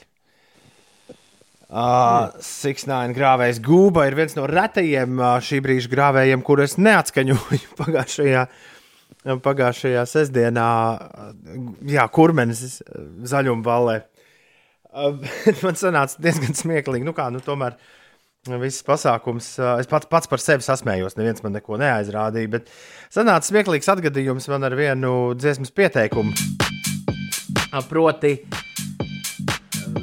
Mūsu Ines noteikti viņu zina, vai Ulim ir bijusi kāda darīšana ar Mārtiņu. Nezinu, bet uh, mums ir, uh, mums ir skaņu inženieris Latvijas radio, uh, skaņu režisors, tā drīzāk, laikam jāsaka, kuru sauc Mārtiņš. Nu, Mā- Mārtiņam bija dzimšanas diena, Mārtiņam Paeglim bija dzimšanas diena. Ines, tu taču zini Mārtiņu. Jā, es zinu, Mārtiņu. Nu, Aizmirsu apsveikt. viņu Jā, viņš, viņ, viņš pēkšņi ieradās sestdien uz diskotēku, jo viņam turpat esot mājas un lūdza, lai es viņam uzlieku šo te gabalu. Fischer losing it. Es tad viņu apsveicu dzimšanas dienā. Izrādījās, dzimšanas dienā izrādījās, ka viņam čomam ir nākamajā dienā dzimšanas diena. Un, uh, un es netīšām, nu, kā, nu, tomēr diezgan nu, ļoti. eh, Ļoti svēti noskaņot cilvēki ir savākušies arī šajā pasākumā. Un eh, Grēviņš pilnā, uh, pilnā priekā šai, šai dziesmai sakot, es saku, nu tad, lai jums, draugi, mīļie, dzimšanas dienā iet šis riktīgais vēlna dancis. Ups! Es tev tā to nebiju domājis. Nu, nav, nu, tā. Es ļoti ātri izlaboju sevis teikto un teicu, ka tas ir ugunskura dancis. Nu. Bet vēls jau bija palaists. Ko lūdzu? Vēls jau bija palaists. Vēls jau nejoja. Pēc tam vai tu pie uguns, kur ar, nezinu, pagāni savus rituālus nenotu. Šitā jau ir tāda uh, rituāla mūzika. Ir, ir 7,48 minūtes. Tagad mūsu ikrīt rituāls Ines stāsta, kas notiek. Tā, turpinoties autoceļa remontdarbiem, daudz vietā ir jārēķinās ar satiksmes ierobežojumiem. Remonti aizvien notiek uz Jūrmālas, Tallinas, Vidzemes, Daugavpils un Jelgavas šosejām. Par Jelgavas šoseju runājot, tur ir jārēķinās ar 24 minūšu kavēšanos posmā no Dalbas līdz eh, Jaunolēnē. Vēl mums eh, klausītājs Dāvis ir atsūtījis, ka esot notikusi avārija uz Rīgas apveceļa īsi pirms ērgļu krustojuma. Tur ir divu mašīnu vilcieniņš un būšot neliels sastrēgums. Tā kā rēķinieties ar to. Eh, Par eh, sastrēgumiem Rīgas ielās, Krustpils ielā posmā no Rencēna ielas līdz Granīta ielai ir aptuveni 10 minūšu kavēšanās. Zirņu ielā jārēķinās ar gandrīz 4 minūšu aizkavēšanos, bet citās ierastajās sastrēguma vietās viss ir diezgan, diezgan eh, mierīgi. Par ūdens temperatūrām dienvidrietumu vēja ietekmē pēdējās nedēļas laikā būtiski ir pazeminājusies ūdens temperatūra Rīgas jūras līča rietumu piekrastē. Citviet Latvijas piekrastē temperatūras svārstības bijušas mazākas, bet uh, jā, rietumu pusē ir uh, temperatūra mainījusies pat par 12 grādiem. Piemēram, šajā rītā zemākā jūras temperatūra Latvijas piekrastē ir reģistrēta Mērsragā, kur tā noslīdējusi līdz plus 10 grādu atzīmei, bet vēl pirms nedēļas Mērsraga ostā bija plus 22 grādu silts ūdens. Arvīds dusmīgs uz tevi. Viņš saka, nav 24 minūtes, es jau 40 minūtes braucu, vēl kādas 5 vismaz. Arvīds nedusmo uz, di- uz Inesi. Mieru. Tikai mieru. Viņi taču turpat nav. Viņi tikai kompī skatās, ko kompjuters saka, to saka. Vai ne? Jā, bet labi, ka Arvīts atrakstīja. Tagad mēs eh, zinām nu, tos īstos datus. Tātad 40 minūtes no Dalbas līdz Jaunolēnai. 45. Ir bez 10, 8. Un tagad būs Ineses geogrāfijas spēlē. Nu, aiziet, Ines. Fiks dod šurp mums šīs dienas geogrāfijas spēles jautājumus. Jā, ātri, ātri jautājumi jums jāuzdod. Pirmais jautājums, kurā valstī aizsākās sporta veids sievu nešanas čempionāts? Nevis siera, bet sievu. Sievu, jā, sievu. Nešanas čempionāts. Nu, labi. Okay. Otrais Kas jautājums. ir Pakistānas galvaspilsēta? Ai, tas ir tik vienkārši. Bet te nu atceries. Jā. Ceturt, nē, trešais jautājums. Nu, nu. Kas ir Vācijas nacionālais dzīvnieks? Mūrbeļtieri. Dumldē. Um, ceturtais jautājums. Pasaulē garākais akmens arkas dzelzceļa tilts. Kurā valstī tas atrodas? Akmens arkas Arkas dzelzceļa tilts. dzelzceļa tilts. Labi. Un piektais Un jautājums. pēdējais jautājums. Ai, man īstenībā šo geogrāfijas spēli nācās taisīt, kamēr eh, gāja raidījums. Neuztaisīt. to Varēja jau neteikt. Pēdējais jautājums. Neteikt. Pastāstiet, kā izskatās Ziemeļmaķedonijas karoks. Nu, beidz. Nu. Ne man, ne Uldim bērnībā nebija karoga fetiša. Uldim varbūt Tad, bija. man, un man šķiet, ka tāda arī tad nebija. Arī taisnība. Labi. Uh, Tā, tā arī darīsim. Stāstīsim tev, kā izskatās Ziemeļmaķedonijas karoks. Ines geogrāfijas spēle!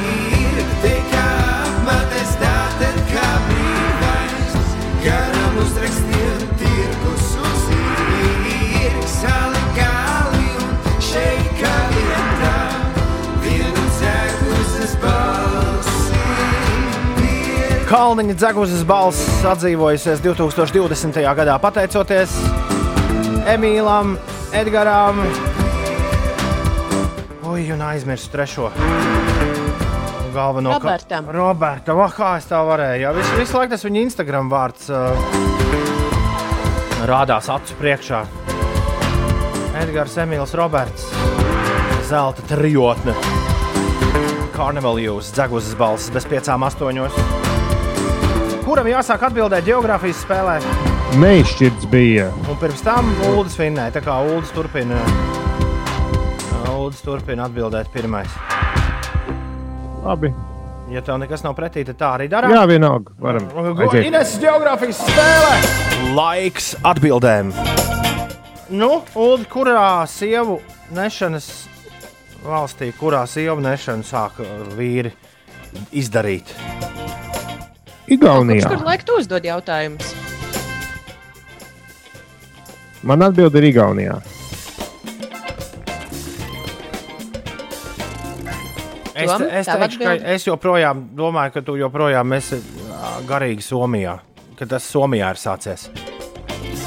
Ah, jā, tev ir punkts. Jē! Tas tiešām ir aizsācies Somijā, bet uh, izplatījies pa visu pasauli. Jo notiek arī pasaules čempionāts sievu nešanas sacensībās.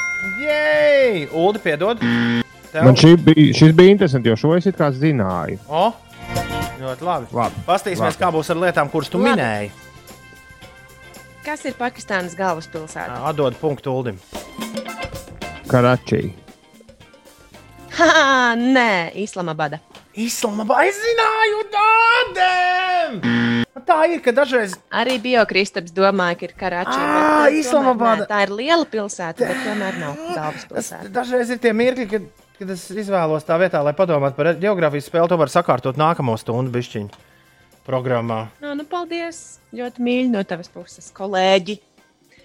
Ceturtais jautājums, kas ir Vācijas nacionālais dzīvnieks? Tas ir trešais jautājums. Un uh, Labi, Vācijas trešais. nacionālais dzīvnieks ir Uldi. Uh, es Uldi biju izslēdzis, atvainojos, Uldi. Uldi, kas ir Vācijas nacionālais dzīvnieks? Briedis. Es nezinu. Es tiešām nezinu. Es domāju, ka ērglis. Nu, to man varētu iedot puspunktu. Nē, jo nacionālais punktu. dzīvnieks ir melnais ērglis. Ir un punkts. Patiesībā Tas ir punkts. Es šis tieši melnais melno arī biju domājis. mītisks dzīvnieks. Jā, jā. īsts dzīvnieks. Jā, jā, viņš Jā, no, tu domāji, ja? viņš no tām tiem nībelunga gradzeniem uh, Jā, jā.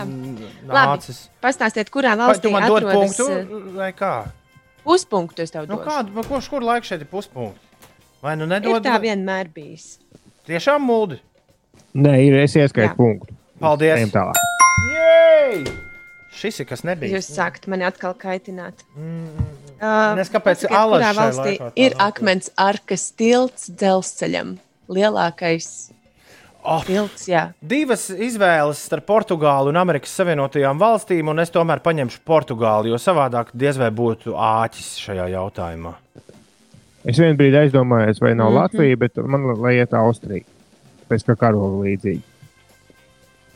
Nē, jūs abi esat atbildējuši nepareizi. Tā ir Slovenija. Oh, Solkan Bridge. Sol- 219 Ā, metrus garš. te bija jāspēj. Tilts, kurš ir būvēts no akmens ķieģeļiem.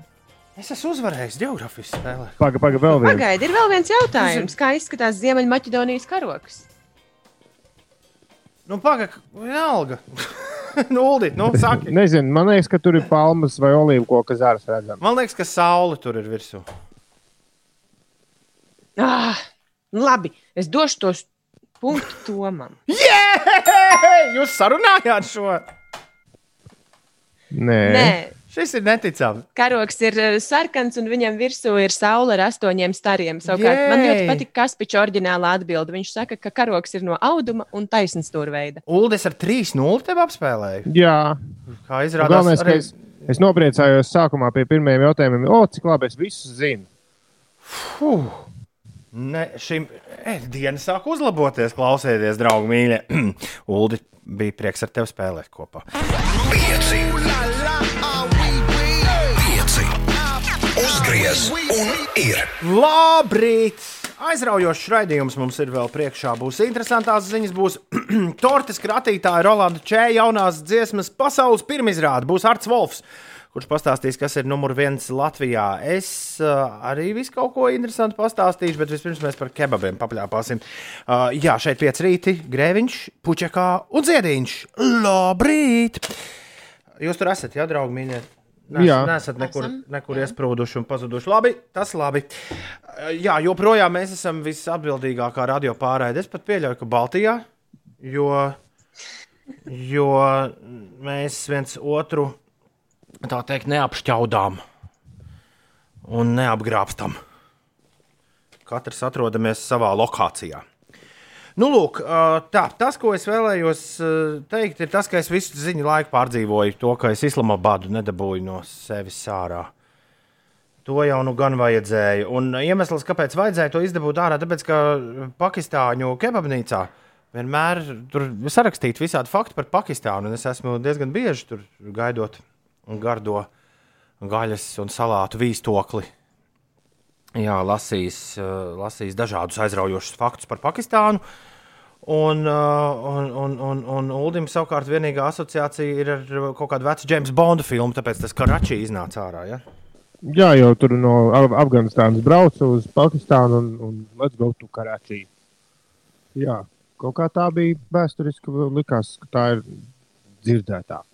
Reālā kebabnīcā pēdējo četru mēnešu laikā es neesmu bijis iekšā, no tā, ka stāvētu pats. Bet, uh, bet ak, Dievs, ja, pa, ja paver kādu ēdienu piegādes aplikāciju, cik daudz viņu ir Rīgā? Cik daudz un dažādu, un tādu, par kuriem pat pirmo nekad nav dzirdēts. Bet izskatās, ka Pakistāņu biznesa gan būs šajā pilsētā, un līdz ar to droši vien arī visā valstī beidzies. Man vismaz ir tāda sajūta. Ja kāds no jums ir redzējis kādu no viņu ēstuvēm darbojoties, tad uh, atvainojiet. Ines man rakstīja, čatā, ka es kādreiz ceru, būtu forši, ja jūs kādreiz arī atkārtotu to, ko jūs rakstat čatā. Ines rakstīja, ka viņa ir aizmirsusi, kā garšo kebabs. Kā tu ēdi pēdējo reizi kebabu, Ines? O, es atceros ļoti labi, ka es pirms gada ēdu kebabu tevis ieteiktajā vietiņā. Man liekas, eh, Stokholmā. Stokholmā, jā. Nu, varbūt ausmiņas kebabā es esmu bijusi arī burtiski pirms gada, bet kebaba īstenībā nav mans mīļākais eh, ātrais ēdiens. Kas ir tavs mīļākais ātrais ēdiens? Nu, īsti neviens.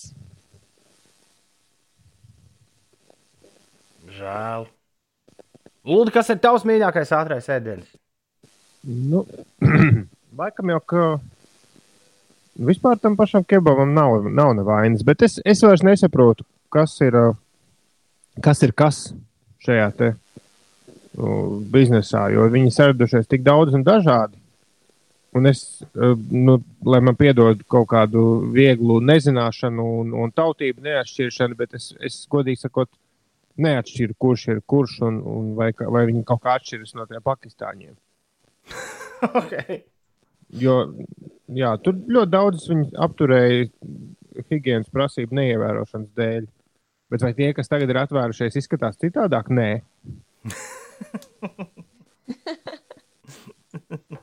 Un Zato man ir jāatzīst, godīgi, ka man šobrīd nav skaidrs, kurā, kurā var iet iekšā un kurā nevar iet iekšā. Izņemot dažus nu, klasiskus zīmolus. Ko. Man ir, man mājās aug divi kebabu boxu fani. Līdz ar to es pat gribēdams nevaru izvairīties no diezgan regulāras tā teikt, atlikumu notiesāšanas, ar ko jaunie cilvēki nav tikuši galā. Bet vispār es jūtos, to, tas bija svarīgākais paziņojums, ko šajā segmentā es vēlējos teikt. Vispār es jūtos tā, pēc uh, vairāk kā mēneša ilgas absolūtas nesportivitātes, ka ir pienācis laiks atgriezties, atgriezties kaut kādā formā. Plānoju apciemot Nu, jā, nu, nu jau vairs pat uz svariem negribas kāpt virsū. Ines, Nē, Es smējos, iesmējos par to, ka man ienāca prātā, ka aplis jau arī ir forma. Tā mēdz teikt. Bet, uh, bet Inês, es esmu nolēmis uh, aiziet šonadēļ fizioterapeitu satikt un viņam skaidri un gaiši paprasīt, vai es drīkstu skriet. Un, ja viņš pateiks, ka es varu, jo es jūtos tā, ka es varu. Šorīt skrēju uz tramvaju. Ļoti labi viss bija. Es varēšu atsākt skriet. Vū! Tad jūs man vēl vēlu redzēsiet. Ir desmit pār astoņiem. Ir pirmdiena, 6. jūlijas. Ir 2020. gads. Cēlies augšā un sākam darba nedēļu kopā. Uh, viņš grib būt virs vidējā, viņš Kurš? grib būt populārs, viņš grib būt atpazīstams, Kurš? slavens. Viņš dara visu, lai viņš tāds būtu, un tajā nav Kurš? absolūti nekā nosodāms. Vai tas, kas kož? Es kā vetārs saku, koži visi. Visi koži. Skaidrs. Šeit Latvijas Rādio 5, 5 LV, 5 rītī. Cēlies augšā un neaizmirst šodien apsveikt vārdu dienā uh, divus kungus, Andreju un Arkādiju. Andreju un Arkādiju. Es sveiks! Latvijas Sveiciens parkam vārdienā. Arkādijam, jā. Kas prātīgi? Ha, ha, ha. Latviešu, ne? latviešu koklētājai Laimai Jansonai. Šodien dzimšanas diena daudz laimes laimai. Amerikāņu aktieris Silvestris Stalonis svin dzimšanas dienu. Šajā dienā dzimis arī amerikāņu reperis 50 Cent, angļu dziesminieca Keita Naša, amerikāņu komiķis Kevins Harts un 14. Dalai Lama Tenzins Gjatso. Trompetistam Oskaram Ozoliņam arī šodien dzimšanas diena, un desmit gadu jubileja ir Beatai Undai. Mēs viņu sveicam no visas sirds. Daudz, Daudz laimes, dzimšanas daudz dienā! Daudz laimes, dzimšanas daudz dienā. laimes dzimšanas dienā! Šodien ir īpaša diena. Pirms desmit gadiem, 6. jūlijā, es uh, tolaik strādāju radio vakaros. Bija viena jauna radiostacija tieši nodibināta. Bija gaisā burtiski kādu trešo vai ceturto nedēļu. Un pirms desmit gadiem šajā dienā es, gatavojoties radio pārraidē, šķiet, ap pulksten diviem dienā iegāju kafejnīcā. Nē, meloju. Esmu tik satraucies, ka pat muldu. Iegāju kioskā. Nu, Tas izklausās stulbi, bet tā bija. Iegāju kioskā un uh, kāda ļoti jauka meitene man teica, čau! Un tā es pirmo reizi aprunājos ar Grēviņu kundzi. Un, uh, Oh. ja kāds man būtu teicis, ka vispār ir toreiz, kāds būtu teicis, ka vispār ir iespējams kaut kas tāds kā attiecības desmit gadu garumā, tad es uh, droši vien tam kādam būtu parādījis visus žestus, kurus rāda, tad, kad liekas, ka nu, runātājs ir galīgi kuku. Bet te nu mēs esam. Un, uh, jā, tāpēc es tagad uzlikšu vienu no Grēviņa kundzes uh, mīļākajām dziesmām no, no Austrāļu katkopiju. Un, un uh, šī būs brīnišķīga diena.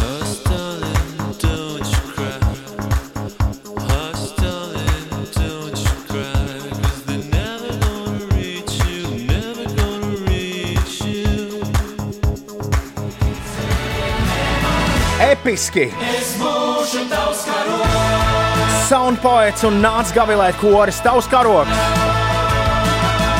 Pirms tam kat kopiju, un es bišķi saminstinājos visā tajā savā stāstā par to, ka man un uh, Laurai Grēviņai šodien desmit gadu iepazīšanās jubileja. Bet tā, morāli, ko es vēlējos teikt, un tā arī nepateicu, ir tā, ka nu, rekur ir pierādīts, ka 6. jūlijā var notikt kaut kas. Kaut kas, ā, kaut kas feins. Un, uh, gan jau kā, jā, jebkurā dienā tas var notikt, bet pirmdienā ļaudīm ir nepieciešams daudz lielāks, vai ne? Kaut kāds grūdienis uz priekšu. Ar sajūtu, ka, tūdaļ pat notiks kaut kas maģisks. Tāpēc es vēlu, lai jums visiem šodien notiek kaut kas maģisks.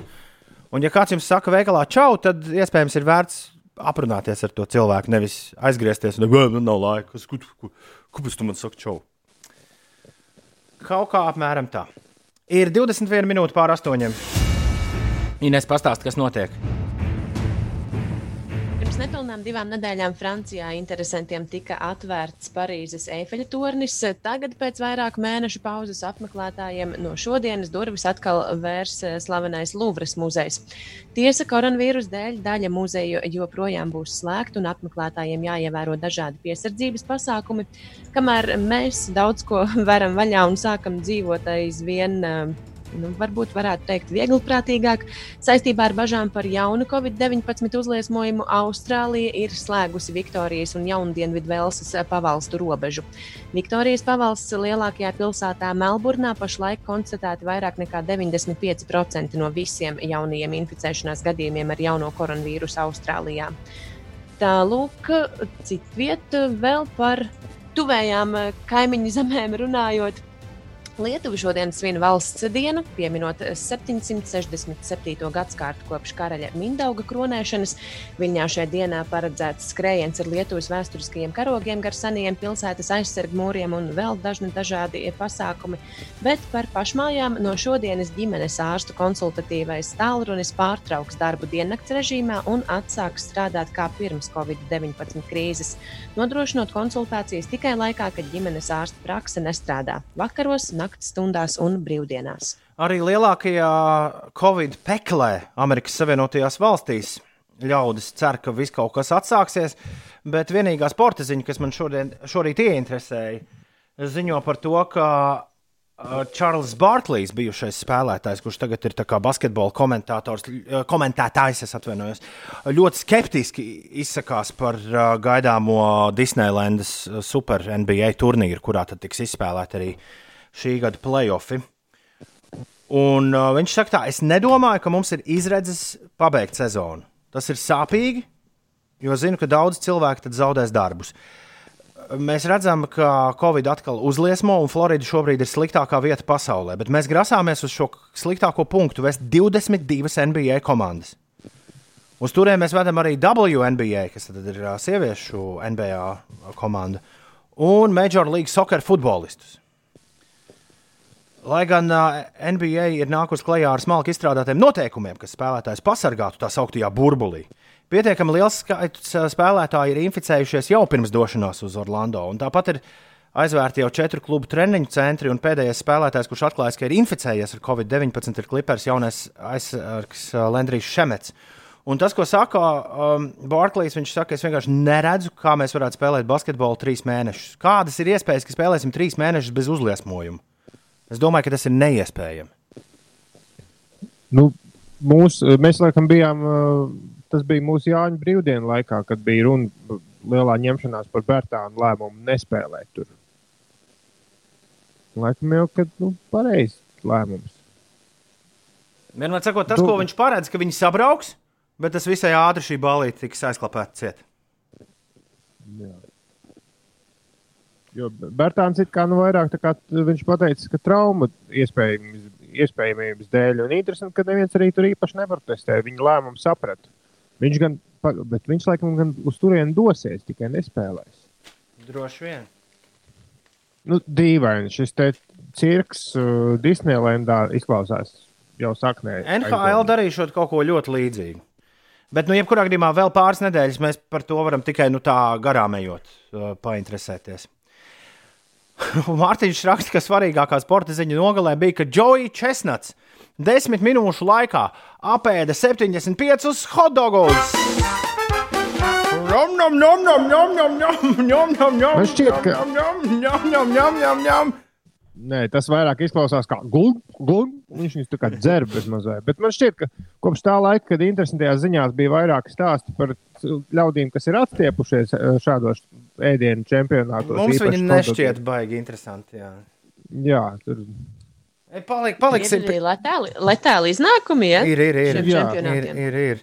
Paliksim Un pie, tas izklausās, es, es atvainojos, stulbi. paliksim pie asās ēšanas sacīkstēm, kurās vienkārši jāpēd līdz galam. Labi, ka tās, starp citu, nenotika šogad. Ticu, ka savu, mm, savu piparu kaut kādu imunitāti esmu labi pasargājis ar to. 8,26 ir pareizais laiks. Rekur jauns gabals no Kalifornijas meitenes Kelānī kopā ar Jamesu Blakeu, Grieving. Mūzika tveicēji Kelānī un James Blakes Grieving 8,29 minūtēs. Pirms kādas nedēļas mums bija plus 35. Nu, tieši tādiem apstākļiem, tādiem Kalifornijas laika apstākļiem šis ir domāts. 8,29 stundas ir atrakstījis SMS.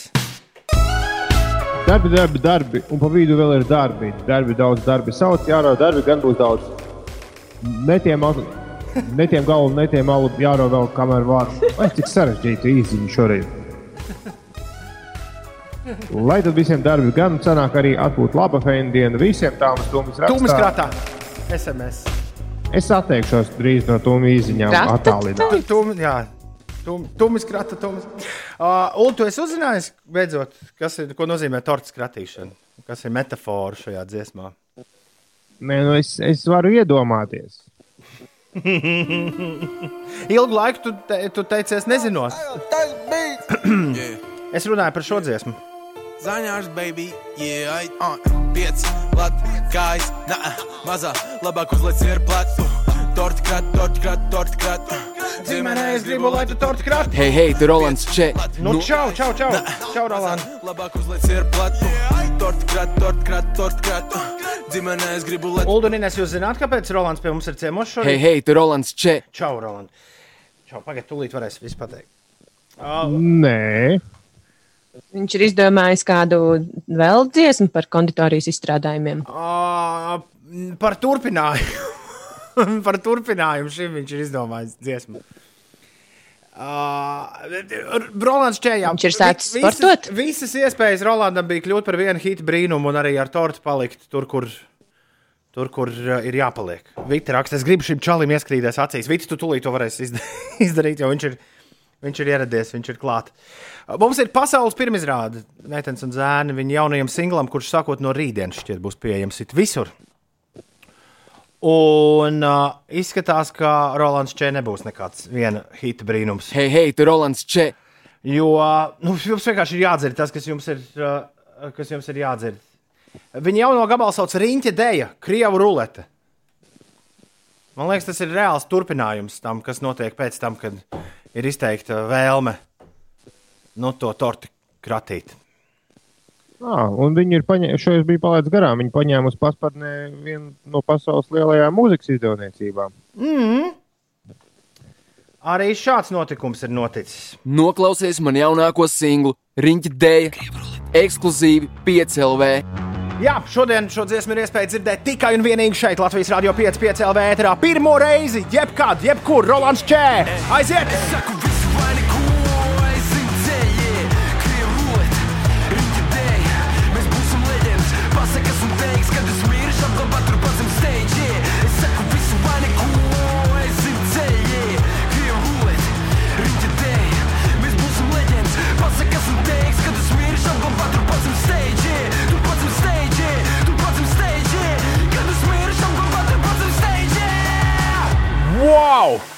Rolands Čē! Nu, Uld, kā tev krievu rulēt? Nu, stipri. Trāpīja vai tomēr tukšā patroni?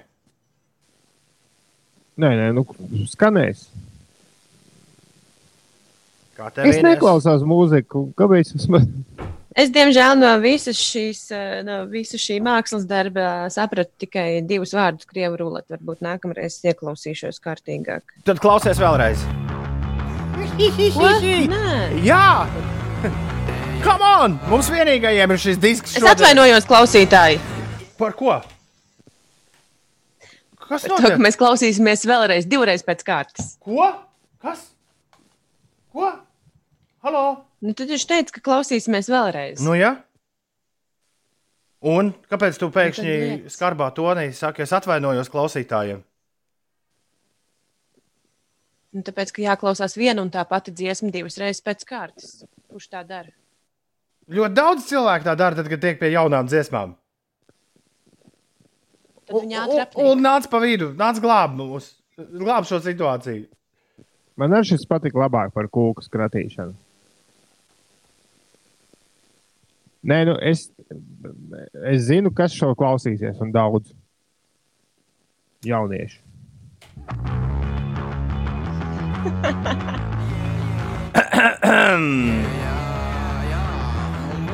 Aiziet numur divi. Rolands Čē! Rolands Čē! Riņķa dēļ. Krievu rulēti šodien tikai un vienīgi šeit, Latvijas Rādio 5,5 LV ēterā. Es noteikti zinu, kas rīt visu dienu ies uz riņķa manā Spotify kontā raksta Uldis. Up, up! Ienēt raksta, labrīt, ir dziesmas, kuras patīk un kuras nepatīk. Man, piemēram, torta skratīšana tīri labi patīk. Katram savs. Ļoti labi. Ine- eh, Inet, vajadzēja par jauno dziesmu uzrakstīt. Tas ir liels. Uh, tas ir šī, šī rīta notikums. Nu Jā, un eh, es saprotu, ka arī mani komentāri daži kaitina, un dažiem tie nekaitina. Katram savs sineta. Mums arī ir savs slovtāja raksta Mārtiņš. Labi, uh, 8,42. diezgan daudz viss kaut kas te sarakstīts ar plusiņiem, ar, uh, ar mīnusiņiem un vēl viss vis kaut kā. Jebkurā gadījumā Rolands Čē, Rolands Čē jaunais gabals ir palaists kosmosā, un tas ir pats svarīgākais. Čau, eterbiedri! Oh! Etera cilvēki! Šis ir interesants. Arts Volfs ir aizbraucis uz ārzemēm. Nu, viņš nebūs šodien netrā. Viņa vietā būs. Kur man Karmen. bija? Jūlijas 6. Jā, Uldis nemelo. Karmena būs gaisā. Šodien būs dāmu diena ēterā. Jo, nu, vispirms būs Karmena, pēc tam būs Māra, un tā tas būs visas nedēļas garumā. Bet, uh, ja jūs neesat dzirdējuši vēl Māru slēgt, pēc pusdienas vieniem dienā obligāti ieslēdziet 5LV. Bet, uh, un Karmen arī obligāti klausieties. Bet Arts Volfs ir, uh, Arts Volfa enerģija ir tomēr uh, no Malagas kaut kādā veidā teleportējusies uz studiju. Jo Arts Volfs saka, Čau, eterbiedri! Etera cilvēki! un vēlas tikt pie vārda. Artis Volfs savu auto mazgā vidēji trīs reizes gadā. Taču valsts svarīgāko hitparādi Latvijas top 40 viņš vada 52 reizes gadā. Latvijas top 40. Svētdienās, 5. pēcpusdienā, 5 LV. Labrīt, labrīt, labrīt, Ines Ulu un Tom, labrīt, 5 rītī, te Arts Vobs. Vakar notika Latvijas top 40. Kāds bija pirmais desmitnieks, to tūlīt arī uzzināsiet. Latvijas top 40. Uz augšu par vienu pozīciju Ariana Grande un Justins Bībers ar Stuck With You. 9, Mīnus 4 pozīcijas Dua Lipa ar Break My Heart. 8, Uz augšu par divām vietām Harry Styles ar Watermelon Sugar. 7, Plus 9 pozīcijas Da Baby un Roddy Rich ar Rockstar. 6, Uz augšu par divām vietām The Weeknd ar Blinding Lights. 5, Plus viena pozīcija Doja Cats ar Say So. 4, Vietu saglabājas St. John un Roses. 3, Mīnus viena pozīcija Topika un A7S ar Breaking Me. 2, Uz augšu par vienu pozīciju Lady Gaga un Ariana Grande ar Rain on Me. Un joprojām pirmajā vietā ir Surfmasa un Emilija ar I Love You Baby. Latvijas top 40, numur 1. Es ceru, ka šodien mēs Ulu neatkārtosim pagājušās nedēļas šīs dziesmas uzšķēršanu. O, Gan drīz vai tā kā tādā ķirurģiskā operācijā. Bet es dzirdēju robotu radio, kā šo piesaka. Jo nu, tur ir tie trīs burti kopā. Pirms vēl I love you, baby, tiek pateikts. Nu, saīsinājums no I love you. ILY. Un robotu radio saka, ir nevis ILY, bet ILY. I love you, baby. Surf Mesa, Emily. Numur viens Latvijā.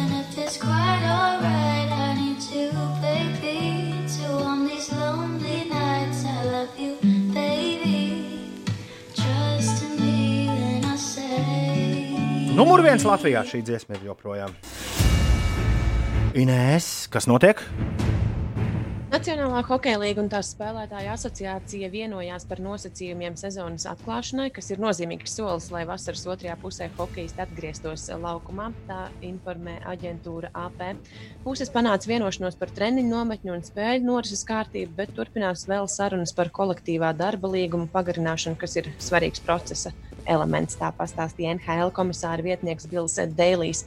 Nosacījumi spēļu atklāšanai stāsies spēkā tikai gadījumā, ja abas puses nobalsos par kolektīvā darba līguma pagarinājumu un reglamentu sezonas eh, turpināšanai. Tātad, ja uh, nobalsos divas trešdaļas NHL vadības un tās spēlētāju asociācijas izpildu komitejas locekļu, tātad, ja balsojuma rezultāts būs pozitīvs, NHL sezona paplašinātā izslēgšanas turnīra formātā ar 24 klubu dalību sāksies jūlijā beigās vai augusta sākumā, bet Stanley kausa uzvarētājiem pasniegs oktobrī.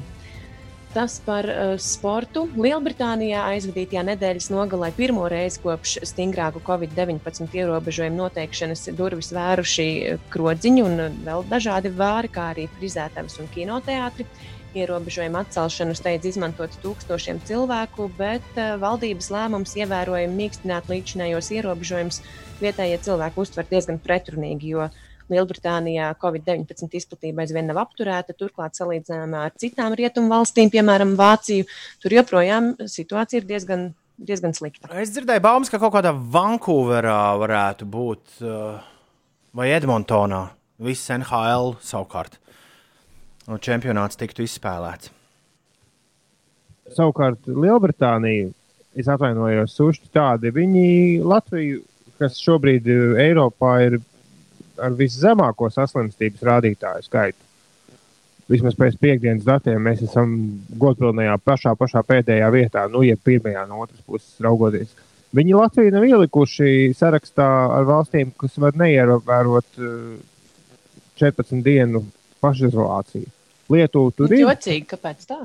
Mēs nevaram, Nu, nu, it- mēs nevaram tam Borisam aizrakstīt Twitterī. Boris, Nu. nu, this is not good. Piektdien kaut kāda ļaudis sprieda, ka, ka tik tas nav. Tāpēc, ka mēs savukārt uh, viņiem esam tur kaut kā nenākam pretī. Nezinu, bet apvienotā karaliste varētu būt, ka jau, ja viss ies labi, tad varētu būt, ka, ka nākamā piekdiena mm, arī ir valstī, kurā, uz kurām ceļojot, nav šīs divas nedēļas jāsēž mājās pēc tam. Vai atgriežoties no turienes. Ok, skaidrs. 8,51. Stāvēju dziedāju augstajā kalnā, lai visi dzird interesantās ziņas. Jā,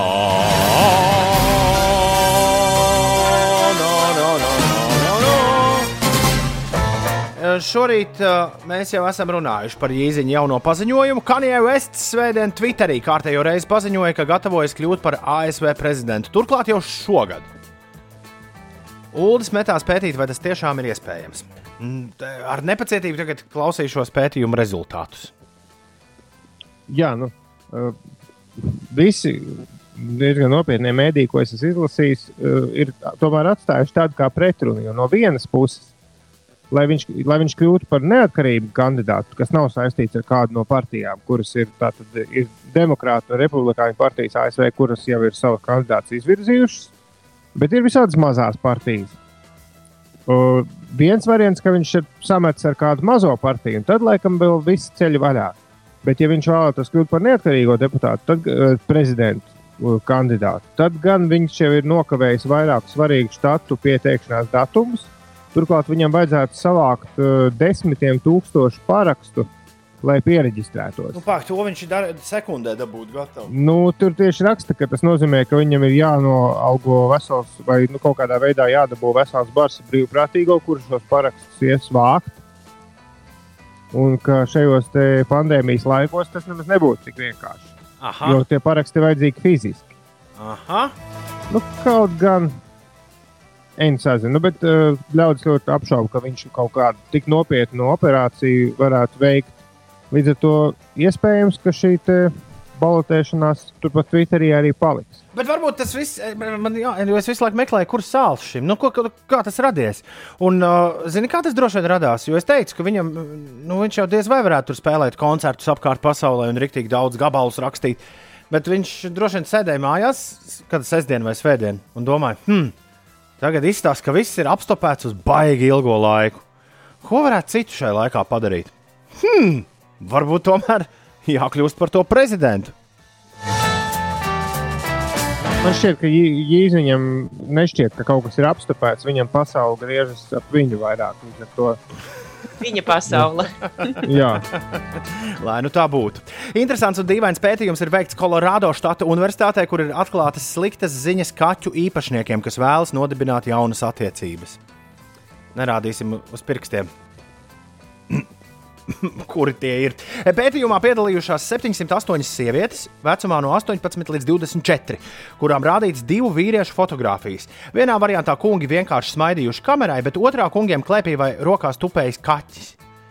Kā rāda rezultāti, bildes ar kaķi izpelnījušās daudz mazāku piekrišanu nekā tās, kurās nav bijis redzams četrkājainais mīlulis. Bildes, kurās vīrietis tur kaķi tika aprakstītas kā mazāk vīrišķīgas, ne, erot, ne, neirotiskas. Nu, Ne, Neirotiskas, Liekas, jā. ne erotiskas, ne, neirotiskas. Nu, arī tas droši vien. Šie vīrieši tika uzskatīti par mazu labu randiņu materiālu. Tā stāsta pētījuma autori. Un No kā uh, nu, ko no šī mācīties? Ulu neliec nekur bildes ar kaķiem. Tikai atstāja kaķus Instagramam, ok, stāstīja. Un, uh, ja tu, dārgais klausītāj, lieto kādu iepazīšanās aplikāciju, labāk bildi, kurā tev klēpī ieritinājies pūkainais peļu junkurs, neliec kā profila bildi. Statistiski tas samazina tavu iespēju tikt pie otras pusītes. Pusītes. Es kādreiz domāju, kā šis vārds skan. Kaķītis. Kaķīti, jā, pusīti. Kamēr, kamēr Latvijā koncerta dzīve pamazām mēģina atsākties, daudz vietā pasaulē situācija, daudz vietā pasaulē situācija tiešām virzās uz slikto pusi. Un, nu, mēs to nosacinājām jau aprīļa sākumā, bet cenšamies tā lēnām un mierīgi ar- atsēdināt un, un, un mēģināt jums pastāstīt, ka tāda liela koncerta nenotiks vēl ļoti ilgi. Un droši vien, ka Nu, stipri eh, ilgāk nekā mums tas šķiet. Nu, raksta būt. sākumā, no kuras es, ņem, no kuras es ņēmu sekojošu informāciju. Raksta sākumā ir teikts, ko es neesmu ielicis, ka Live Nation, kas ir viens no lielākajiem koncertu organizatoriem, Jā. uh, šobrīd pārskata līgumus un cer, cer pilnībā atgriezties 2021. gada vasarā pie koncertu dzīves. Nu, jā, viņiem vēl viena festivāla sezona noraut, eh, tur es esmu lasījis, kas notiks tādā gadījumā. Bet labi. Dzīvosim, redzēsim. Bet labi, Klau, labākā ziņa ir tā, ka koncerta organizatori nesēž rokas klēpī salikuši, un, piemēram, Ņūkāslā, apvienotajā karalistē, tiek būvēta 2500 cilvēkiem paredzēta fiziskās distancēšanas koncertu arēna, kurā ļaudis būs sadalīti mazās kompānijās. Katrai nelielai kompānijai būs tād, iedalīts tāds kā paaugstinājums. Nu, sauksim lietas Nu. īstajos vārdos, tāda tā kā invalīdu nu, pacēlums koncertos. Izskatās, vai ne pēc tā, vai arī pēc lielas uh, bērnu gultiņas. Tikai tādas, nu, apmēram četras Jā. lielākas. Principā sanāk, ka visi būs ienest tādās kā nelielās VIP terasēs. Ļaudis atbrauks ar auto, ievēros divu metru distanci, visur būs roku dezinfekcijas līdzekļi, bet to lešu apmeklējumam izveidos vienvirzienu kustību. Savukārt, rīt izziņošot several high profile artists, kas tur uzstāsies. Jā, tajā arēnā. 2500 cilvēkiem. Jēziņ. Es, Pagaid, cik es tikai par to, kā, cik cik biļetes dārgi maksās. Tur maksās. Vai?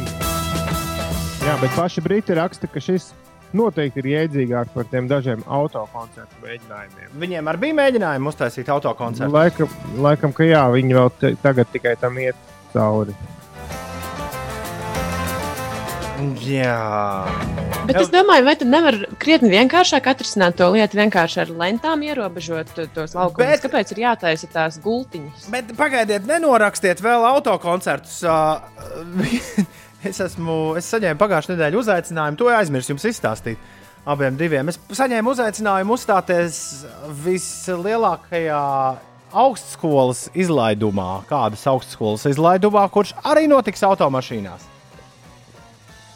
Proti, viss izlaidums būs viens milzīgs autopasākums. Tās cepures tad metīs. ku- No kur? mašīnām, acīm redzot. Ā. Un tad, klausies, Kurš pamēģini cilvēks pavilkt uz tā saucamo mošpitu.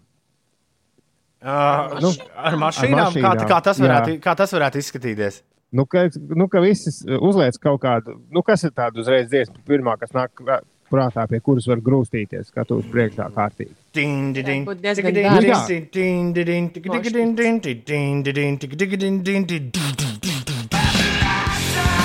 No. Tagad visi sanākam, skatos priekšā un, un grūžam viens otru. Nu, tikai ar mašīnām. Auč! Pas, bet pasak vēl, ka nebūtu vērts piedzīvot kaut ko tādu. Tas varētu būt vareni. Dzelži ir dzelži. Dzelžus var saremontēt vai nopirkt jaunus, bet toties piedzīvojums. Klausieties, Ulu un Ines. Man ir baigi labs garstāvoklis šodien. Es jums arī vēlu tikpat labu garstāvokli. Un ā, nezaudēt, ja tāds nav, tad to atrast. Un, ja ir, tad nezaudēt to līdz dienas beigām. Jo šī izskatās, ka būs vienkārši jauka diena. Tanī pat laikā. Saule uzspīdēja. Ir, ir, ir tiešām, jā. At, jā bet tanī pat laikā atceramies uh, to, ka The world is waking up. And change is coming whether you like it or not. Thank you. Lūdzu, lūdzu. Kā būs, tā būs. Kā būs, tā dzīvosim. Pieci rīta darba dienās starp 6 un 9. Mēs turpinām. Rīt turpināsim. Karmena FM ēterā nākamā, bet mēs sakām visu labu. Atā!